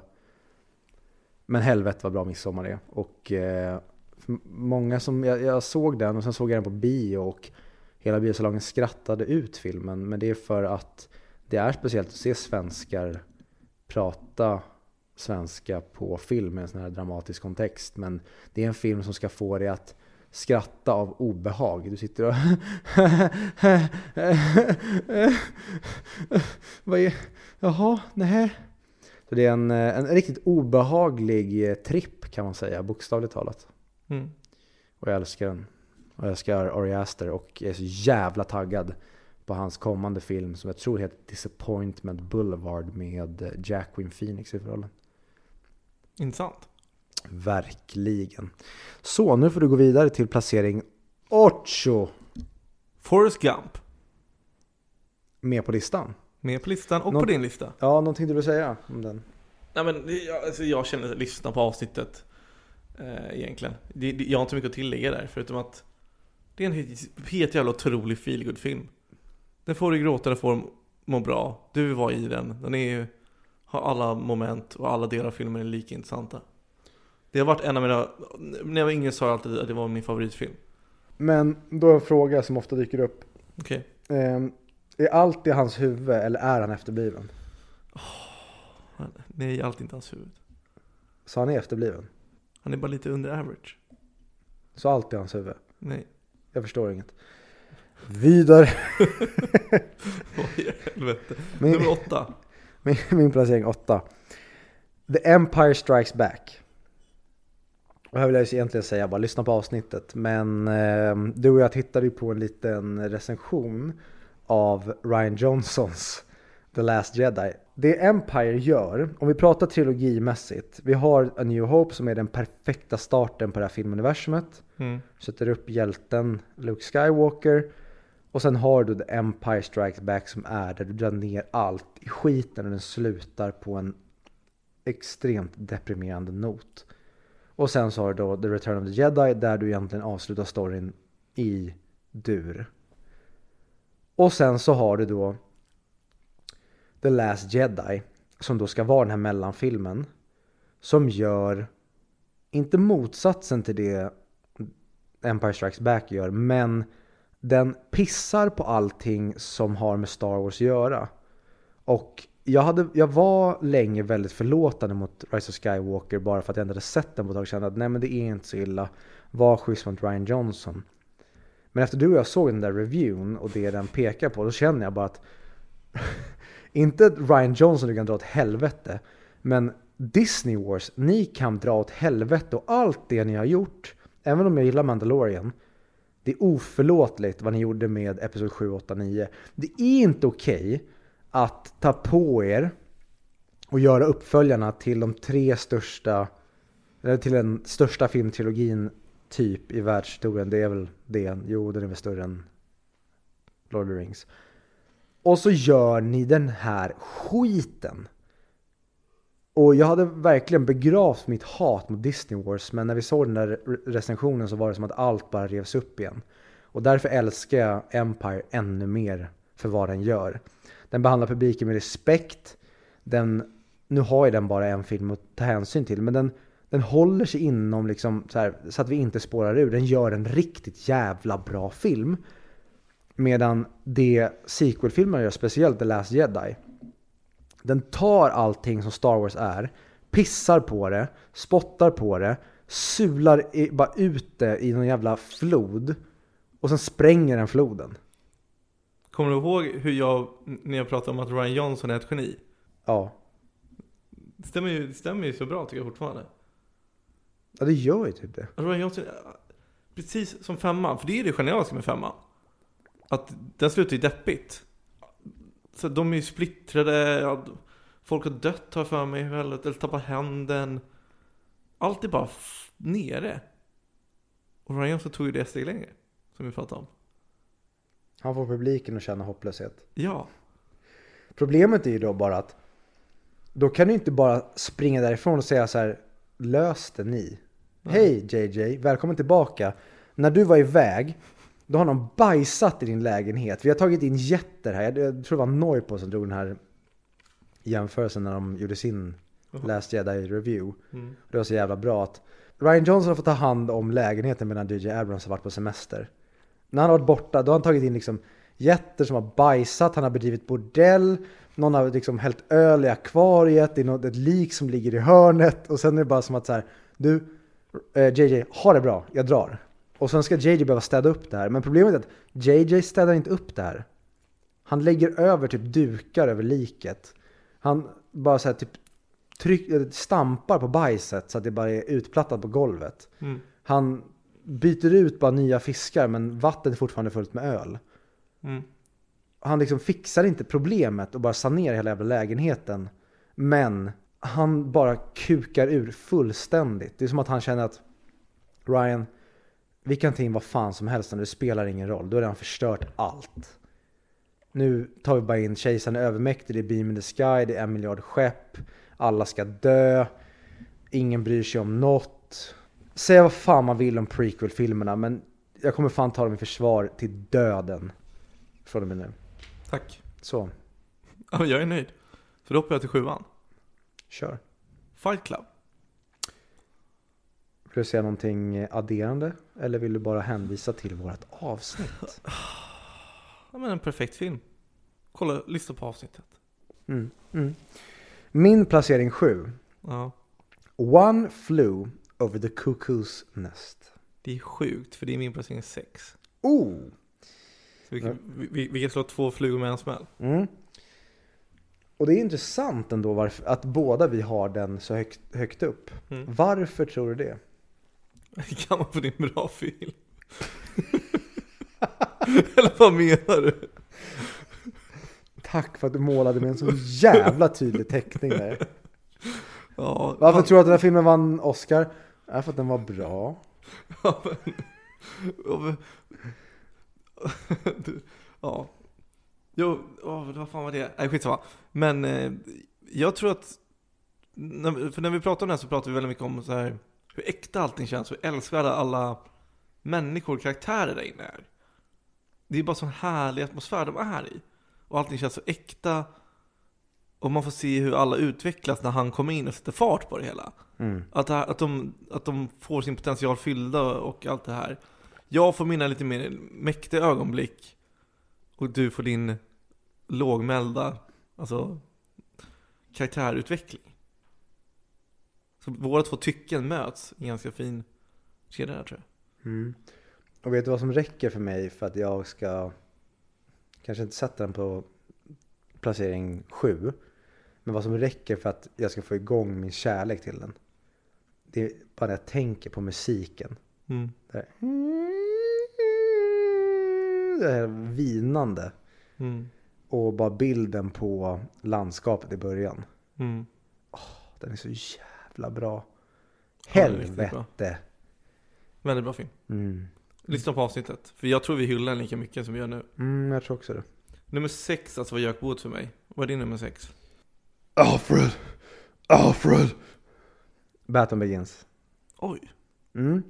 Och det här är ju, vad ska man säga, det är ju inte den filmen som, vad ska man säga, jag vet ju att så här, nej, rent inom citationstecken objektivt är ju inte Christopher Nolans bästa film. Men för mig är det här, det här är den bästa superhjältefilmen. Och nu är inte jag någon superhjältenörd eller någon comic book nörd. Men jag är ändå uppvuxen med Batman, jag är uppvuxen med Spiderman, X-Men och tittar på liksom de serierna. Och när du gör en superhjältefilm så är det här så du gör en superhjältefilm. Du håller det förankrat i vår värld, men du tar det lite utanför. Du får det att handla om en karaktärsresa och en persons trauma och rädsla och får den att bearbeta det och vända det till någonting annat. Du har en mentor som sen visar sig vara skurken. Du har korrupta poliser. Alltså den här filmen är den är peak superhjälte, alltså det, det här är peak comic book movie. Du har ändå Arkham, eller den, hela den, vad heter det, The Narrows, den ön. Som ser väldigt comic bookig ut. Du har Wayne Tower som har comic book förankring. Men du har även hela Batmans armor och hans eh, gadgets det som är då förankrade i verkligheten och verkliga aktiviteter. Men du är fortfarande väldigt schysst mot grundmaterialet. I alla fall den Batman jag känner igen från The Animated Series så finns det väldigt många grejer som funkar där men du har satt i en verklig kontext. Så det här är någon slags, det här är representanten för all, alla superhjältefilmer. Det är så här jag önskar, önskar att alla superhjältefilmer var. Med det sagt så tycker jag att The Dark Knight är en bättre film. Men den är inte superhjälterepresentanten som Batman Begins är. Jag tycker att kemin mellan Christian Bale och Katie Holmes är klockren. Jag tycker Killian Murphy är grym som Scarecrow. Jag gillar Tom Wilkinson som Falcone. Jag älskar flashbacks. Det är också någonting som man verkligen får i den här som man inte får i Dark Knight. Det är de här flashback-scenerna till unga Bruce. Och hur Christopher Nolan jobbar återigen med tid. Med när du, du är i unga Bruce, du är i barn Bruce, du är i vuxna Bruce och sen boom avslutar vi flashback-scenerna med att nu är han tillbaka i Gotham, nu är vi bara i den här tiden. Och jag älskar bara hur de bygger Batman. Att han går ner i grottan, han kryper ner där med en jävla flashlight och fladdermössen är runt honom och första gången det är obehagligt, sen ställer han sig och Ja men det är bara så det, det, är också en så grym jävla porträttering av hjältemyten och den arketypen. Och, nej, fan jag kan se den här filmen när som helst. Och mm. jag älskar att se Dark Knight-trilogin, men jag älskar framförallt att se ettan och tvåan. Men jag tycker trean, den är, den, den, den är ändå bra, men den är inte på samma nivå. Mm. Nummer fem för mig då? I Leon, The Professional. Oh, kul att du har den så högt upp. Mm. Jag älskar den filmen. Den är så otroligt vacker. Den är så fin att titta på. Att bara få se Natalie Portman som sju eller år eller vad hon är. måste vara elva, okej. Okay, du, måste, du måste ju förlåta mig, prata klart meningen. Bara få se Natalie Portman som 11-åring skådespela sönder i den här filmen. Jag älskar att du säger att den är så sjukt vacker att titta på. Bara Natalie Portman som sju år. Nej men, nej men att få se hur duktig hon är. Alltså vilken jävla rollinsats hon gör. Och få se hennes relation till då Leon. Som blir som en kärleksrelation, en icke-sexuell kärleksrelation. Som kan vara komplicerat men jag tycker filmen har en perfekt balans på den. Det känns aldrig creepy på något sätt. Och få se Leon utvecklas som människa när han får lite mänsklig kontakt. Då ett barn i det här fallet, men ändå mänsklig kontakt. Och se, få se hur cool han är i action också. När han lär saker, han berättar om sitt yrke. Det är en helt perfekt film. Och jag har sett den kanske fyra gånger. Och jag har älskat varje minut av den. Alla fyra gånger. Mm, nu när du säger det, jag ångrar fan att jag inte satte den högre upp. Och den, den också, för att koppla till uh, Batman Begins, den är väldigt comic bookig också. Mm. Och jag, ja, fan, jag skulle nog ändå sätta den på ja, min topp 30 definitivt om jag eh, nu efter, ja du påminner mig om den. För fan vad bra den är. Ja den är helt magisk. Vilken är din nummer fem? Here's Johnny. Mr Shining? Yes, The Shining. Mm. Och här kommer vi in på lite, nu är vi ändå inne på topp top 5. Och det är lite så här, eh, The Shining är på min lista för att den jobbar inte med jump scares och grejer. Jag mm. älskar skräck när skräck är bra. Och när skräck är bra, det är som vi nämnde tidigare när jag till exempel rekommenderade The Witch att det är filmer som kryper under skinnet på dig. De är jobbiga att titta på men du är aldrig bogao mm. rädd på det sättet utan Det är någonting som hänger kvar i dig. Du kanske tycker det är så här, det är någonting som gnager i mig. Någonting som jag tyckte var obehagligt från den här filmen. Till exempel, har du sett filmen It Follows? Nej. Väldigt bra på det sättet att filmens koncept är att du får en curse som blir överförd genom eh, samlag. Och då är det så att då är det en demon som går mot dig i promenadtakt. Och när den kommer fram till dig så slår den ihjäl dig, alltså den bara sliter dig i stycken. Och den tar former av personer du känner. Och jag tror att det är så när du ligger med någon annan, då är du fri. Så att den är bara på den personen som du har legat med och sen ja, för du vidare den. Men det som jag tyckte var så jäkla bra med den filmen, det var just det här med att man fick se de här karaktärerna då som att det är till exempel en person vars mormor ser den. Så står bara mormor typ 100 meter bort och bara stirrar på henne. Och sen går den mot henne. Mm. Och sen så ju närmare den kommer, och det är så att även fast du sitter på ditt rum och pluggar, då kommer den här demonen närmare. Mm. Så den tar ju sig till slut in i ditt rum. Men den kommer, för att du inte ska fly, så kommer den ta liksom shapes av saker du känner. Så att till exempel den kan liksom öppna dörren och där står den i form av liksom din morsa. Och sen när den kommer nära dig så bara slår den ihjäl dig eller stryper eller vad den gör. Och det för mig är så läskigt, att den går långsamt Mm. efter dig. Att den finns där hela tiden och jagar dig. Snarare att det är någonting som springer emot dig. För det tycker jag bara blir, det blir bara för stressigt och för hetsigt. Det är obehagligt när det kryper på dig. Och det är kanske så jag skulle beskriva skräckfilmer jag gillar. Det är ju filmer som kryper upp på dig snarare än att de hetsar dig i ansiktet och liksom skriker. Vad hette filmen? It follows. Mm. Spännande. Och det är lite därför jag älskar The Shining. Inte bara för att det är Kubrick, mästaren, han, alltså fotot, musiken, allting.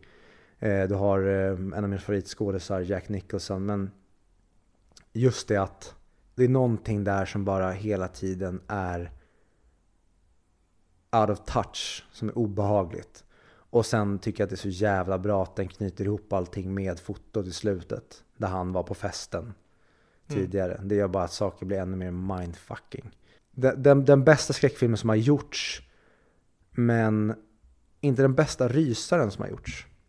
Vilken är det då? Får vi se. Oj, spännande. Din placering fyra. Lord of the Rings, Return of the King. Oh my god, really? Ja, alltså. Det är så jävla episkt slut på en episk trilogi. Som sammanfattar allt det goda i världen. Mhm. Jag, jag vet inte hur jag, jag ska kunna förklara den. Den är för storslagen för bra för att inte vara så pass högt upp. Ja, jag vet, du gillar lågmälda, men jag gillar det här mäktiga. Jag vill se de här talen. It's a red day! Death! Death! Ja, du vet allt det där. Mm. Mäktigt. Coolt. Och hur snyggt scenerna är. Spökena kanske är sådär. Men jag förlåter det. Mm. För jag menar, det kommer komma... För att skapa en, en sån där storskalig film så... Det är ju mycket svårare att göra en perfekt sån. Än att göra en perfekt lågmäld film. Skulle jag säga. För det, är- det är så mycket mer som kan gå fel. Vad är din topp fyra? Min placering fyra är Denis Villeneuves Enemy. Spännande. Mm. Jag såg den här på Stockholms filmfestival, om det var år 2013 måste det ha varit för att då den kom, vill jag minnas. Och det här var innan Denis Villeneuve egentligen, han hade inte breakat. Han hade gjort, eh, jag tror att den uttalas Ensandis, eller Mm. Ensandös. Eh, Navals hemlighet är den på svenska, också otroligt bra film. Efter jag hade sett klart den här så var jag bara jag, jag visste inte vad jag skulle ta vägen för att jag hade typ inte förstått någonting men samtidigt var jag helt golvad av det jag precis hade sett. Och det handlade om att Jake Gyllenhaal spelar en person som upptäcker att han har en dubbelgångare i en film. Och då söker upp den här personen för att ta reda på vem han är och han tycker det är fascinerande att de ser likadana ut. Men det som filmen egentligen handlar om är vad som händer när en person tappar greppet om verkligheten. Det är egentligen en berättelse om en schizofren man. Jag vill inte spoila någonting, det förstör inte filmen alls. Men det är liksom andemeningen i det hela, men den berättas på ett visst sätt. Och i det här så finns det som sci-fi element som innehåller spindlar som har då en representation. Jag kommer inte säga vad representationen är. Men egentligen så handlar det om en persons svårigheter att hantera commitment och verkligheten och kanske, vad säger man, att vara uttråkad eller att släppa sig själv för att ja, men, committa till någonting större helt enkelt. Och eh, jag skulle säga att det här är Denis Villeneuves bästa, eller det är Denis Villeneuves bästa film för den är helt jävla felfri och den är den är lite obehaglig, den är cool, den brinner långsamt, den är snygg utav bara helvete, mystisk och full av symbolism och tematik. En av mina absoluta favoritfilmer, jag såg om den här nyligen och då var det bara så här, ja, den kommer aldrig att falla, den är perfekt. Fan vad kul att höra. Mm, Då är den att se fram emot alltså. ja. Inte sett. Nummer tre för mig då. En perfekt film i mina ögon. Mm. Som blir bättre varje gång jag ser den. Vilken tror du att det är? Eternal Sunshine Spotless Man. Det har redan sagt. Ja, då är det väl kanske typ Eternal Sunshine Spotless Man. In Bruges. Oh! Nummer tre. Åh, jävlar. Den har inte jag haft med. Jag förlåter dig för allt. Nummer tre på min lista. Jag tycker, jag visade den för en kompis som inte hade sett den för, för kanske någon månad sedan. Han, han blev också blown away. Nice. Och jag tror att alla som ser den och faktiskt ger tid att titta på den, inte sitter med mobilen och sånt, kommer inse hur fucking amazing den är. Mm. Och vad allting betyder och wow, vilken jävla film det är. Lyssna på vårt andra avsnitt säger jag. Mm. Och, och den, är, den är så himla mysig för det är också en julfilm. För de är ju där under julen. Alltså så här, det är inte, inte en julfilm så. Men, Jag tror men, det kom en diskussion om att Harry Potter var en julfilm för vi pratade med den filmen tror jag. nej men Harry Potter är en julfilm. Nej. Nej, jag håller Men folk som säger det, för att Mm. det är ju ett argument. Att Harry Potter visas på julen, det är en julfilm. Käften. Bara för att det, det finns jul i en film är det inte en julfilm. Nej Nej. men det är ju ugglor. Ja, men då, då är en halloweenfilm då. Det är en mysig film att titta på på julen, absolut, men det är ingen julfilm. Nej, och om du då ska sätta den i en, viss eh, högtid, då är det en halloweenfilm. För att den har trollkarlar, och häxor och pumpor och drakar och älvor och fan hans moster, dementorer och Voldemort. Det är, så här, det är den perfekta halloweenfilmen. Men jag behöver inte bli arg. Jag är Nej. lugn. Jag, är- jag är absolut inte upprörd. In Bruges tycker jag är en mysig film. Mm. Jag och Becka pratade om att eh, vi, nu kanske inte blir så i år, men eh, vi ska åka till Brygge över jul. Just för att jag vill åka dit för att In Bruges utspelar sig där. Mm. Men det verkar inte finnas någon jävla flygplats. Du måste flyga till Bryssel och sen måste du åka bil därifrån. Ja. Men löser sig saker så kommer åka dit över jul. Men det kommer säkert inte bli så för att det kommer säkert vara svindyrt just den perioden. Mm. Men mysigt. Mhm. Som de säger i filmen, Brygge är en jättemysig stad och det är också en del av liksom humorn i det hela när han Mm. tycker att det är en skitstad. Mm. Ja men han, han är barn som inte, ja. Men det är just det, den och, ja, nej. Det är, så- alltså, det är så mycket som jag kan säga som är så fint med den. Mm. Alltså att de är i skärselden. Den metaforen. Och att hur mycket han ångrar sig och han kan inte leva med sig själv. Så han måste bara göra saker så han inte behöver tänka på det. När han väl tänker på det stannar det upp. Det är då han vill ta livet av sig. Och det är hans första jobb och Ray Fine är så jävla bra. Åh, vad är han säger? You are an, an inom... Någonting, objekt. You're an anonymous fucking object. och sen ber jag om ursäkt till frugan efter. Ja. I'm sorry I called you an enormous fucking object. Åh, Ray Fiennes. Fan vad jag älskar honom. Och det, det är så kul när han kommer också och ska köpa vapen. Så får han så här, What the fuck happened to you? Och han så här, "Ja, den här- han avväpnade mig när jag skulle råna honom och sköt mig i ögat. You fucking faggot. If you let someone take your gun when you're robbing him and blind him with your gun. Ja men det, är det som är så här. De, de säger saker som, alltså man tänker att en gangster hade sagt. Ja, Alltså you're fucking faggot. Det är han förolämpar honom, han är fucking maffiaboss. ja. Ja, nej, den är så jävla bra. Jag älskar Ray Fiennes när han är, um, ja men sin så här brittiska, kaxiga, oförskämda Mm. jag. Ja, Men också det här när han slänger fram en Uzi typ så här. En Uzi? Du fick I'm a fucking black man in South Detroit killing 11 year olds. Det är så jävla kul. Nej, men den har ju så sån, alltså det är så mycket sån humor. Där Ja. man, någonting presenteras. Och någon reagerar på det som att så här, är du dum i huvudet eller? Och så har de så Ja. jävla bra metaforer till de grejerna. Alltså bara så här, jag är ju inte en da da da da da da Ja, men, men all dialog, alltså det är som att den där jävla Juri som säljer vapen, han pratar ju om någonting speciellt. Typ såhär brunnar eller fan det är. Och sen så när de träffas så här, pratar de brunnar med dig också? Ja, vad fan vad grejen med alla jävla brunnar? det är en massa sånt. Och det är så jävla bra. Åh, jag vill se den igen. Ja, och bara The Vietnamese! What Vad the säg- fuck, det du minns? Ja. Ja, saying it over and over again is gonna change anything. Ja. Ja, det är så jävla... Och Och- bara så här raskriget han dvärgen pratar om. Ja. Så bara, ja, jag pratade inte om raskriget igår. Så bara, jo, det gjorde det. Han bara, åh, fan. Men det är ju just all, all röd tråd och all foreshadowing Mm. är ju så underbar. Eh, också bara så här scener som att eh, när de här tjockisarna ska upp, amerikanerna, Ja. och så är det såhär, oh, don't go up there, you get a heart attack. Och, och sen, sen när Brennan Gleeson kommer ner, och säger, så säger han så här, oh, it- it's really narrow, don't go up there. Screw you motherfucker! så bara, så bara, you've, been, you've been to the tower? Så bara, yeah. Well, you, you lads ain't going up there. Så bara, why not? I'm not being funny. Så bara, what do you mean? You're a bunch of fucking elephants! Och så när jag jagar honom så bara, leave it fatty. Han bara dansar runt där och tjockisen bara är helt slut efter att ha jagat honom. You're a rude man. Ja, är den är... Och det är också, den- tar inte hänsyn till någon. Nej. Den slår, är det kul, då slår den på allt. Mm. Ja, den är magisk. Wow. Mm. Vilket är din Helt tre? Jävla fantastiskt. Eh, min placering tre är Ridley Scotts Alien. Är den det? Mm. Jag tog till och med bort det från min lista. Vad fan. Det här är en film jag typ hade kunnat sätta som min placering ett. Men det finns andra parametrar som spelar in i de som är före. Men Alien är den perfekta filmen med den perfekta designen. Det är en skräckfilm, alltså en, det är mer en rysare. Det är en sci-fi-rulle med ett av de mest skrämmande monstren i historien.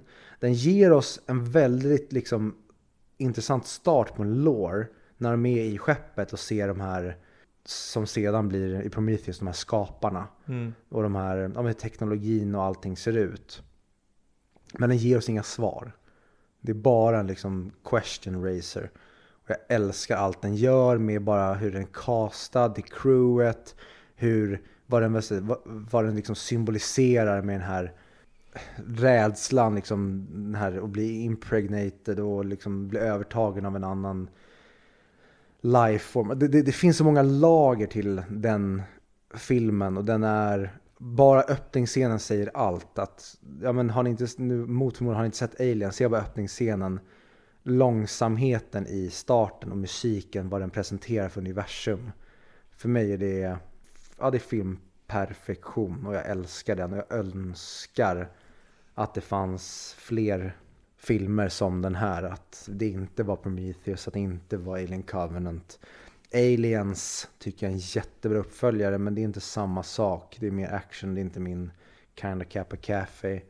Alien 3 ska vi inte prata om. Alien 4, den, den har några delar som är kul men det blir aldrig någonting annat än det här. Det här är peak. Och det är peak rysare, det är peak sci-fi, det är peak mytologi. Och Ellen Ripley är typ den coolaste kvinnliga hjältinnan ever. Så, Mm. nej den är amazing. Mm. Den är bra. Mhm. Jag vet dina, dina topp två filmer nu. Ja, Visst måste det vara Requiem for Dream och sen Follow Up Det här bekräftar inte, men eh, kan du mina två? Interstellar. Vi kan hoppa dit då, för det är faktiskt nästa film. Oh! Och, oj oj oj. Transformers 2, nej. ehm, Interstellar ja, kan kan, kan jag prata kort om. Den är så jävla bra tycker jag. Jag älskar att den är så verklighetstrogen, jag tycker den är så snygg, jag älskar Matthew McConaughey i rollen. Um, jag gillar alltså hur de har gjort med jorden och tankarna bakom allting. Och nu framförallt, jag var ju på Tekniska museet igår. Och du vet det här rymdskeppet de har i slutet. Som typ snurrar runt eller, eller är som en cylinder man bor på. Mm. Där hade de skisser på de skeppen. För det är så tanken är att man ska kunna leva. Alltså samma grej de har i Elysium. Och jag älskar bara allt med det där att, alltså, oj förlåt. Att, nej men, alltså pricken över så har typ den, en av de bästa scenerna någonsin i en film. Dockningsscenen. Det, ja, jo, men okej. Det är ju den bästa actionscenen någonsin skulle jag säga. Mm. För det den gör där och hur den är filmad och ja, den är... No, it's necessary. Ja. Det, det är så här, åh, det är sånt jävla hero moment så det ja. finns inte. Men det, alltså, det hade kunnat, alltså, det är så här, en liten fel tuning på den här, så är det cringe istället. Ja, men tänk att du lägger in Benny Hill-musiken istället för liksom... Mm. Oh. Så bara ja, han simmar you brilliant fuck. Tänk bara på scenerna när, alltså, när han säger eh, till eh, Murph, the coordinates. Och därifrån. Mm. Och när bilen åker och man bara Oh, we're going on an adventure. Så här, nu drar vi. Efter att ha varit på farmen och allt det här och försökt lösa mysteriet. Det, är också en del av briljans med Interstellar. Det är det här mysteriet. Mm. Tyvärr tycker jag inte att de följer upp på det. För jag tycker att de kunde hanterat det bättre med NASA och hela den grejen. Mm. Ehm, men det är fortfarande en fantastisk jävla film. Och det scoret är också en av de alltså soundtracken som är jag kan lyssna på en, alltså vilken dag som helst. Det, det, så här, skulle jag vara nere på ett plus i min, mitt liv och jag lyssnar på det, då höj, höjer det mig minst till tre plus. Det är liksom som Hans Zimmer sa när han använder orgen när han skulle skapa musiken. Det, att det ska liksom vara så här typ eh, religiöst. Det ska Mm. vara larger than life, mytologiskt. Och det är verkligen så musiken känns. Mm. Det är verkligen ett av de bästa soundtracken som någonsin har gjorts. Ja. Jag kan köpa att folk inte gillar det här i slutet med att love, love is, is a force we can't measure och det är den som går mellan dimensioner och grejer. Mm. Jag, jag, jag, jag tycker inte det förstör filmen. Alltså, han är ett främmande ställe. Det lättaste sättet han... Han, tar, han, han går på magkänsla. För magkänsla är... Det finns ju någonting med magkänsla. Intuition. Alltså jag menar, djur kan ju hitta hem på grund av, på grund av magkänsla och så vidare. Så det finns ju något mysteriskt där, tycker jag. Som är väldigt intressant. Och det är det han går på. Och sen är det bästa sättet han kommer på så här, hur ska jag få de här koordinaterna till henne? Jag har ingen aning hur det fungerar. Och sen fattar han, okej, men jag kan ställa in klockan till morsekoder. Så det går ju att förklara på det sättet. Men jag förstår folk som inte tycker om det. Men det är något som faller mig i smaken. Och för mig är det lugnt om inte alla tycker den här är näst bästa filmen. Jag, som du säger, jag köper om människor har problem med det. Men det jag tycker är så jäkla häftigt då, det är ju att filmen är medveten om det här. För att de Mm. säger det att de är liksom eh, beings of higher dimensions. Mm. Men de vet inte hur de ska kommunicera. Mm. Och det är det han löser med kärlek. Att Mm. nej, det här är inte så de kommer lära sig kommunicera sen. Men det är hans sätt att kommunicera till Murph. Mm. Det är för att det är love, alltså så här som hon säger, det, det går igenom dimensionerna. Mm. Och genom det, sen säger ja okej det kanske är långsökt, långsökt med att plantera det i visan. Men hon kommer att förstå varför. Because I gave it to her. Mm. Och då blir det så här, Åh. åh! Jag fick rysa nu bara. Ja. Jävlar vad sjukt. Ja men och det är det, det är det jag tycker när folk kritiserar Christopher Nolan för att vara liksom en känslokall regissör. Ja. Han motbevisar allt det där inte ställer tycker jag. Mm. Och då kanske det är så här, ja men okej, där kanske, om man ska kritisera, då kanske den, den tekniska eller den logiska regissören Christopher Nolan faller. Mm. Men det är på grund kanske då av den känslomässiga. För Mm. scenerna med när han säger liksom eh, Don't make me leave like this Murph, liksom när han ger klockan och det. Mm. Den, alltså den scenen är ju så jävla bra. Mm. Och vi får så mycket känsla och relation. Och samma sak när han kommer tillbaka och går igenom hela den här timespan videomeddelande grejen. Mm. Alltså, vem satt inte i bion och bölade som ett barn? Mm. För att det är så jävla bra utfört. Och det är de starkaste delarna i Interstellar tycker jag. Att, ja, men det är en film om tid eller eh, och liksom resa genom maskhål och time slippage och nya planeter. Det, men essensen är liksom love. Och det är Mm. det han får till. Och därför är fundamentet så jävla starkt i den. Du, du borde se The Father by the way. Ja, jag, jag ska verkligen det. Mm. Jag, jag var övertygad om det. Vill du, prata, vill du prata lite om Requiem for a Dream eller? Eh, hur visste jag att den var placering två? Ett är Fellowship. Så det är bara Requiem kvar. Ja, intressant. Jag trodde du skulle tro tvärtom att Fellowship var nu. Men ja, vi har ju ett helt avsnitt om Requiem, men det är tidigt. Mm. Men som jag nämnde då att så här, det här jag älskar Darren Aronofsky, det är förmodligen min favoritregissör som jag nämnde. Jag älskar The Fountain. Eh, Mother är väl hans senaste vill jag minnas. Älskar också, jag tycker det är en sjukt jävla bra film på så många plan. Eh, Noah är ju hans sämsta där han försökte göra en blockbuster och det föll så inåt helvete. Men The Wrestler är jättebra, Black Swan, samma sak, jag nämnde, vi pratade om den. Ett, ett jävla mästerverk. Eh, jag älskar det Aronofsky gör eh, i de allra flesta fall. Sen, ja, som jag nämnde, han har några plumpar.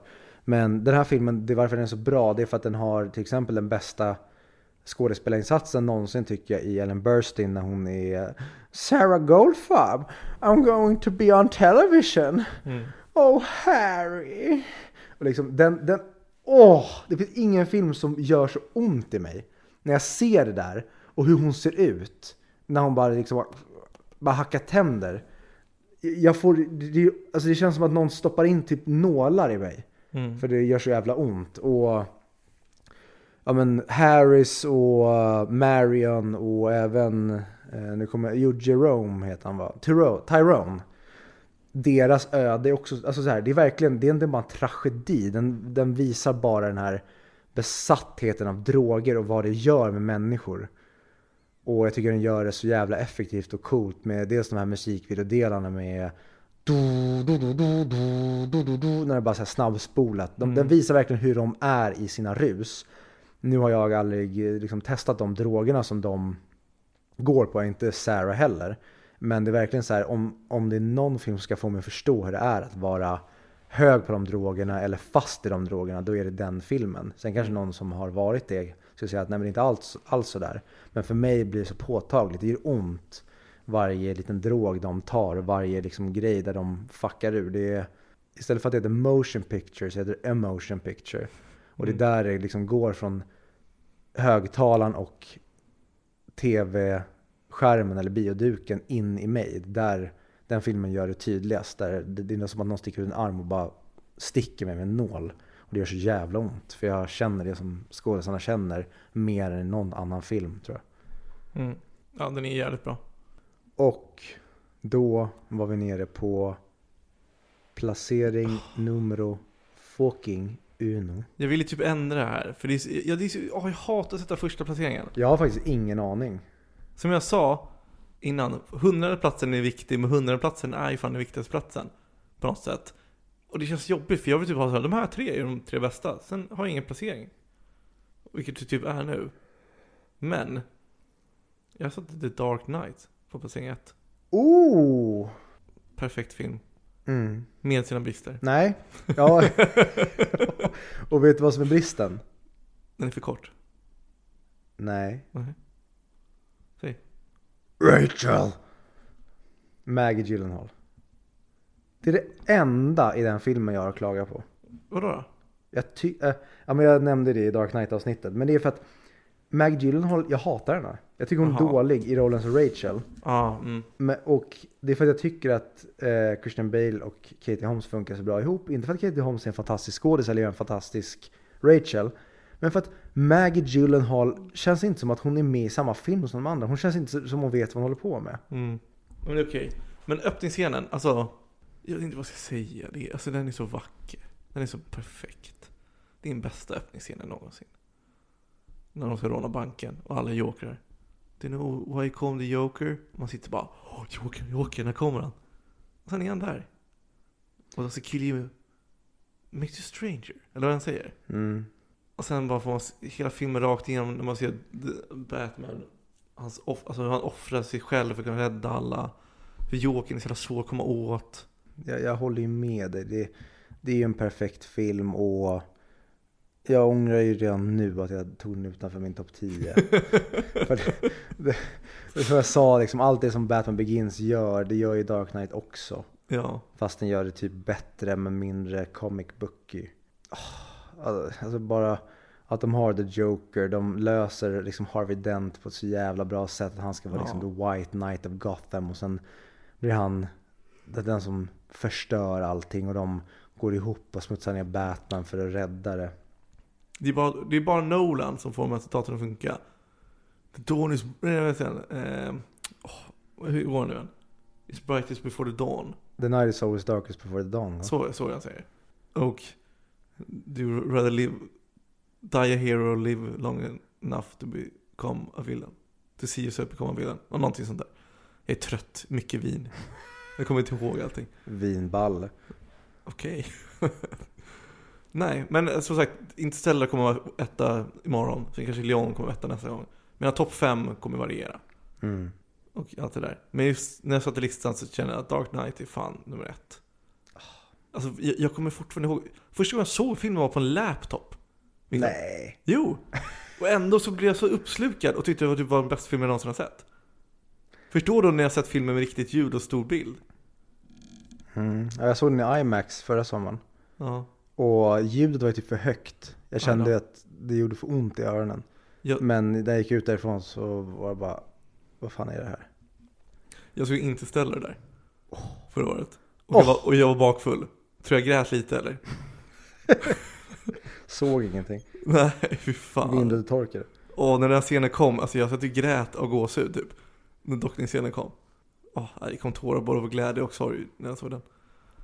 Fan att den har sina skavanker alltså. Interstellar? Ja, med släkten och när de säger Alltså att, framförallt de drar ut på slutet. Jag förstår att de drar ut på slutet men de hade kunnat göra saker tajtare och bättre. Bara med släkten. Men eh, behöver filmen vara perfekta? Ja, men jag önskar ju det, jag är ju puritan. Men hade det inte kunnat vara fint att bara se på filmen och tänka så här. Det här är inte perfekt men det här är en jävligt bra film. Jo, men den är så nära perfekt och därför blir jag arg för att det är bara små grejer. Är inte det fina egentligen hos människor och filmer, de här äh, defekterna? Perfekt är ganska tråkigt egentligen, är det inte det? Nej, inte min eh, nationalistiska nya, förlåt, nationalsocialistiska stat. All juden raus! Mm. Jag tror jag fick... Nej vänta, all juden raus, det borde ju vara judarna framåt eller? Alla rasjudar. Ja, min, min, min, min German är inte den bästa jag känner. Men kan du berätta om den bästa filmen du känner? Och den bästa filmen jag känner är The Fellowship of the Ring. Perfekt. Och ni kan eh, följa oss på 100 mick på Facebook. Nej, så. Berätta lite. Varför är det? Därför att det är, det är barndom. Det är början på det bästa filmäventyret någonsin. Och om man då ska jämföra med Dune, som jag skulle säga är ja, en av de bästa starterna på en filmtrilogi då, om det nu blir det, eller en film, en flerdelad filmsaga. Så tycker jag att det här är den bästa starten på en sån filmserie någonsin. Och det är svårt att jämföra med om du tar Dark Knight för att den var inte tänkt att bli tre filmer från början. Det, han gjorde Batman Begins som en ensamstående film och skulle det bli någonting mer så skulle det bli någonting mer. Den här filmen är filmad back to back och det skulle bli ett, två, tre från början.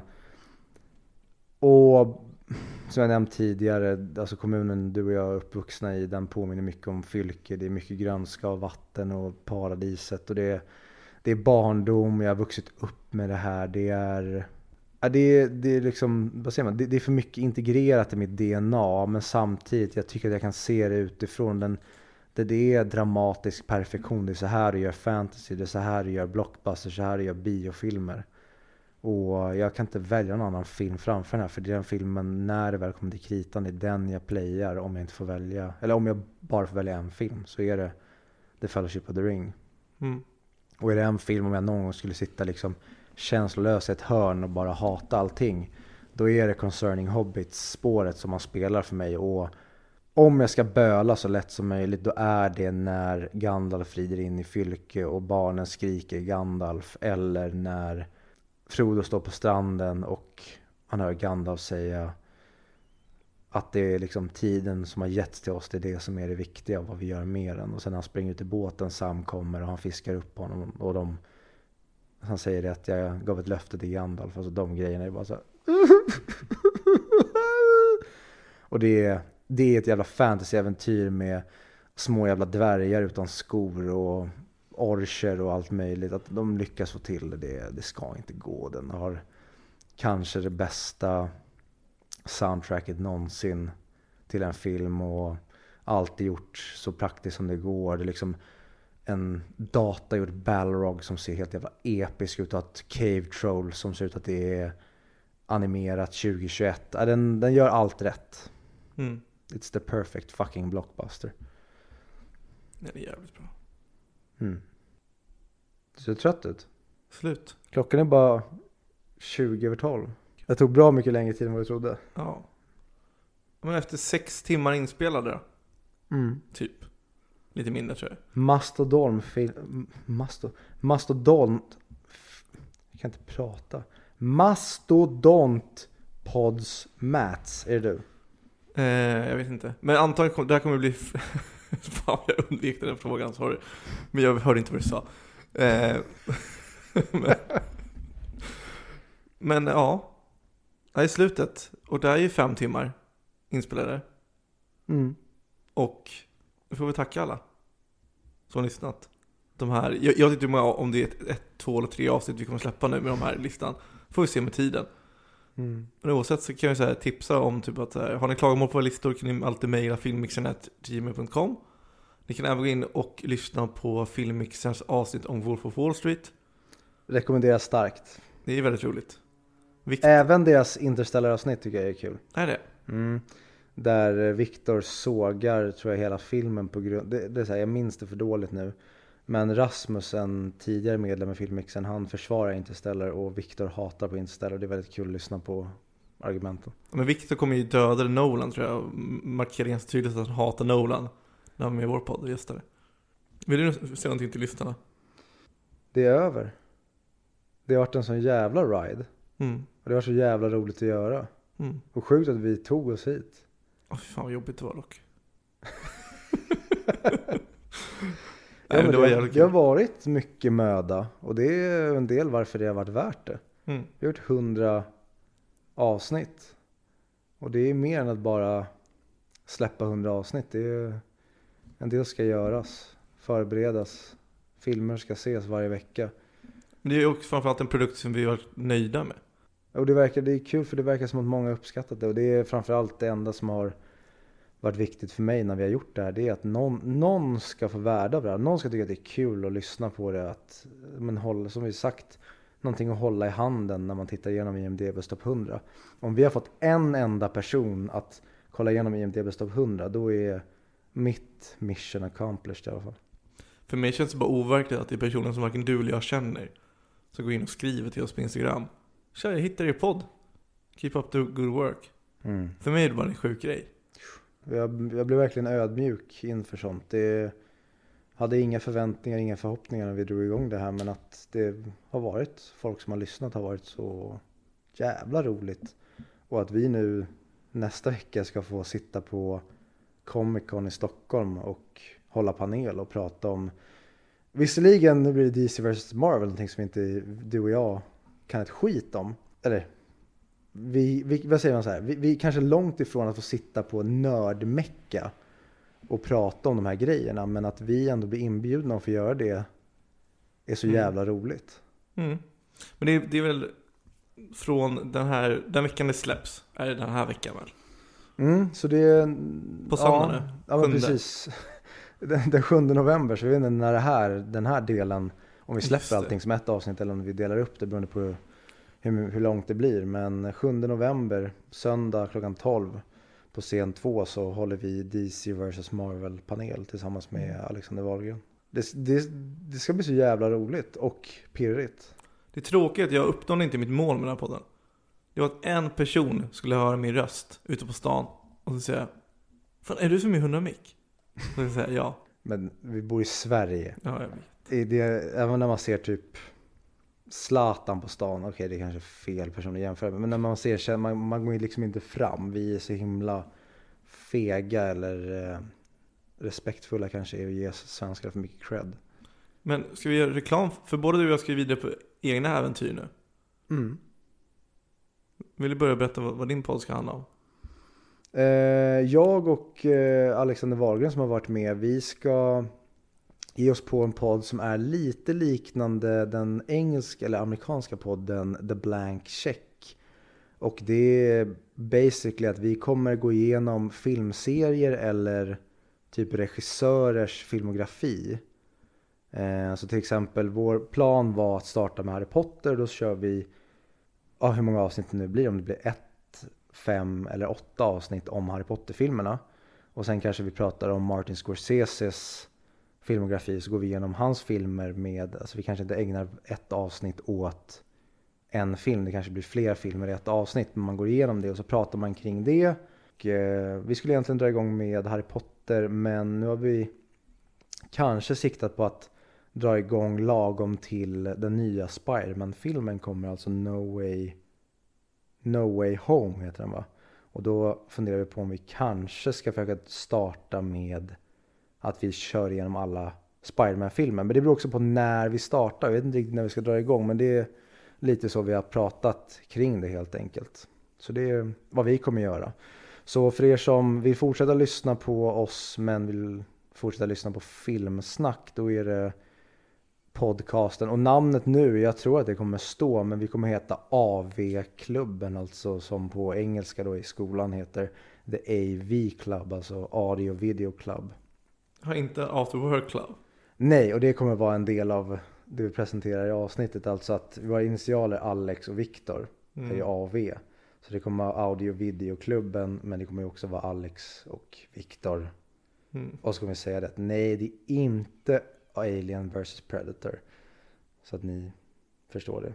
AVP skulle det vara från början. Alien, Alex, Viktor, podcast eller audio video podcast. Vi är fortfarande i utvecklingsstadiet så att vi har inte kommit dit än. Och det är inte After Work-klubben för den kanske ju jag kommer stå för. Precis, bra segway. För jag och min vän Joel Wallgen. För jag gillar det här med listor. Det sköna med att göra podcast är att jag tar på det som ett projekt och sen ska jag uppnå någonting som jag vill i livet. Typ som att se alla hundra filmer. Nu är nästa att lära mig mer om öl. Och det bästa sättet som jag och min vän kom på att göra det är att vi ska gå igenom alla öl i Systembolagets standardsortiment i bokstavsordning. Hur många är det? 464. Blir det ett avsnitt, en öl per avsnitt eller kommer ni köra flera per avsnitt? Det svåra är typ så Carlsberg har ju åtta varianter. Långburk, export, hoff och så vidare. Eh, och då, vi, vi har inte kommit på detaljerna än, men antagligen kommer vi då dricka alla Carlsberg i ett avsnitt. Så vi samlar ihop det. Eh, och tanken är att vi, vi, då, då kör vi halvtimmesavsnitt. Så, så vi kommer spela in alla fyra avsnitt för en månad samtidigt. Så kör vi halvtimme 40 minuter. Kort, koncist. Så lägger vi till det. lite fakta om öl, vad vi tyckte om ölen. Och annan jävla gött kött. Mm. Och jag ska också berätta att jag har ytterligare ett poddprojekt på G. Jag och min kompis eh, Joel, vi ska göra det, vi ska gå igenom alla ölsorter på Systembolaget. Fast bakifrån. Från Ö till A. Fan sjukt.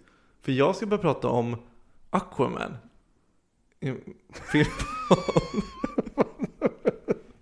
Vadå prata om Aquaman? Och sen kanske Spiderman och Harry Potter. Men jag ska börja med Aquaman.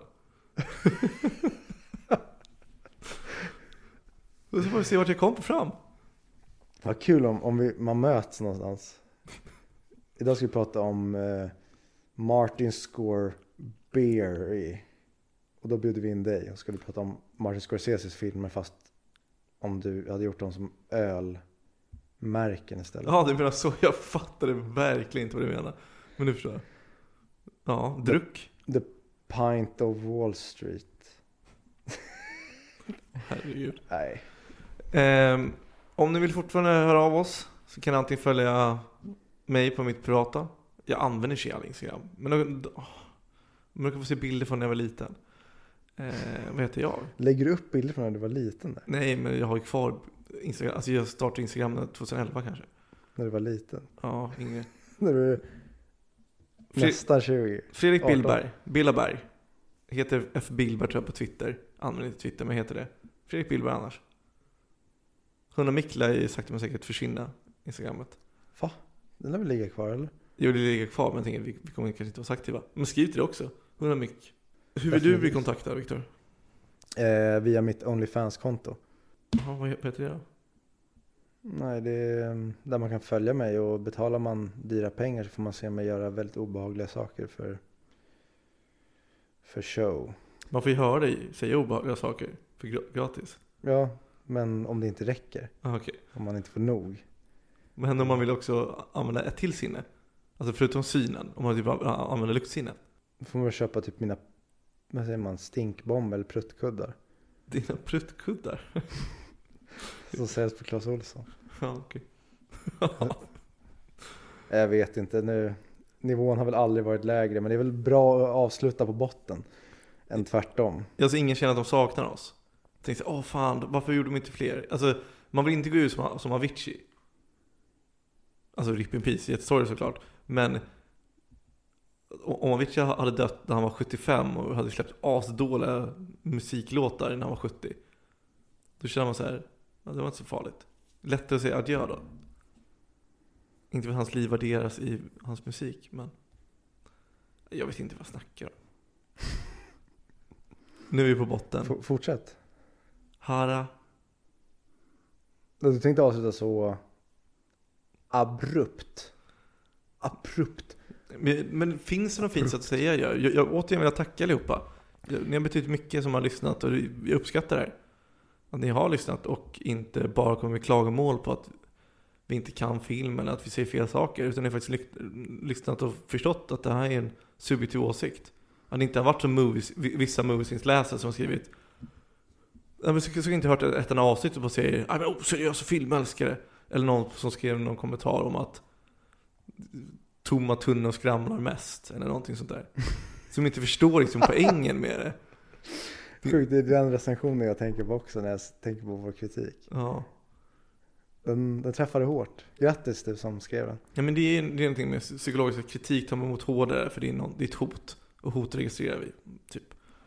Tror jag. Nå, någonting sånt om man ska prata biologiskt. Eh, men ja. Oh, jag hade en, vi har en underbar lyssnare som kom med kritik till vårt konto. Och sen skrev jag till honom från vårt konto. Sen blev vi vänner i chatten. Mhm. Framför min sida, sen kanske han fortfarande hatade mig. Men jag... Som man gör när jag lyssnade och gav respons. Men inte det en klassisk grej att när, när man kastar skit på någon Mm. och den bemöter en inte med taggarna utåt. Mm. Då skäms man lite extra. För då känner man sig dum att man slängde ur sig eller reagerade i affekt. Det är i alla fall min upplevelse och jag har ju eh, gått in i clash med en del personer i mitt liv. Ja, men jag tror att det ligger någonting i det. Och jag tror också att ju äldre man blir och mer van man blir så blir man bättre på att hantera de här impulserna man får när man kommer i en diskussion med någon. Och då kan man ta sig tillbaka och diskutera det snarare än att skrika ut det. Mm. Och komma med kritik och kanske inse att vi alla är bara människor, vi har alla olika åsikter. Det viktigaste är inte att vi håller med varandra. Men vi måste fortfarande kunna diskutera Mm. saker och ting. Ja, det tycker jag kanske är en jättebra not att gå ut på. att Det viktiga är inte att alla ska tycka som en själv eller hålla med varandra. Utan bara att lyssna på varandra och kanske försöka förstå att alla kommer med olika glasögon. Vet du vad mentalisering är? Är det som da, vad heter han, Robert California gör i The Mentalist? Nej. Nej. Mentalisering handlar mer eller mindre om att kunna sätta dig in i andra människors liv och perspektiv. Och jag tror att hade världen varit bättre på mentalisering och haft- varit bättre på att förstå varför folk gör som de gör så tror jag att världen hade varit en mycket bättre plats. Mhm. Det tycker jag ta med sig från att lyssna på 100 mick. Det man kan ta med sig också det är för att vi vet allt, vi kan allt, vi har aldrig haft fel. Mm. Och vi är 100% seriösa filmälskare. Det är helt sjukt att inte vi har blivit större med tanke på hur bra vi är. Jag tror det är lätt 100 000 lyssnare i veckan. Vi är större men det, Det är fel på siffrorna. Nej, det är ju alltså Mark Zuckerberg, Jeff Bezos. Eh, Techjättarna gick ju ihop i någon stor jävla konspiration och försökte stoppa oss. Så att eh, ni som fortfarande har lyssnat, det är ju för att ni har haft eh, jävligt bra nålsöga. Ni har klarat er igenom den här censuren som vi utsatts för. Det var ju prat ett tag om att du kanske skulle ställa upp i riksdagsvalet med 100 mick-partiet men eh, då gick ju direkt Morgan Johansson ut och sa att det är ett hot mot demokratin. Mm. Så det blir ingenting med det. Men jag funderar på att göra statskupp.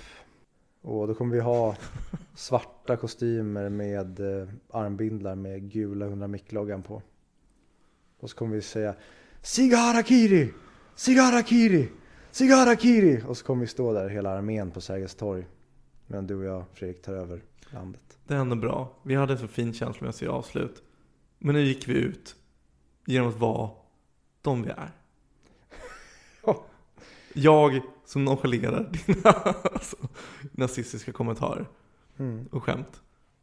Och så väljer jag bara att gå vidare från det och inte kommentera det. Och vad säger vi då? Harakiri. Sig Harakiri. Okej.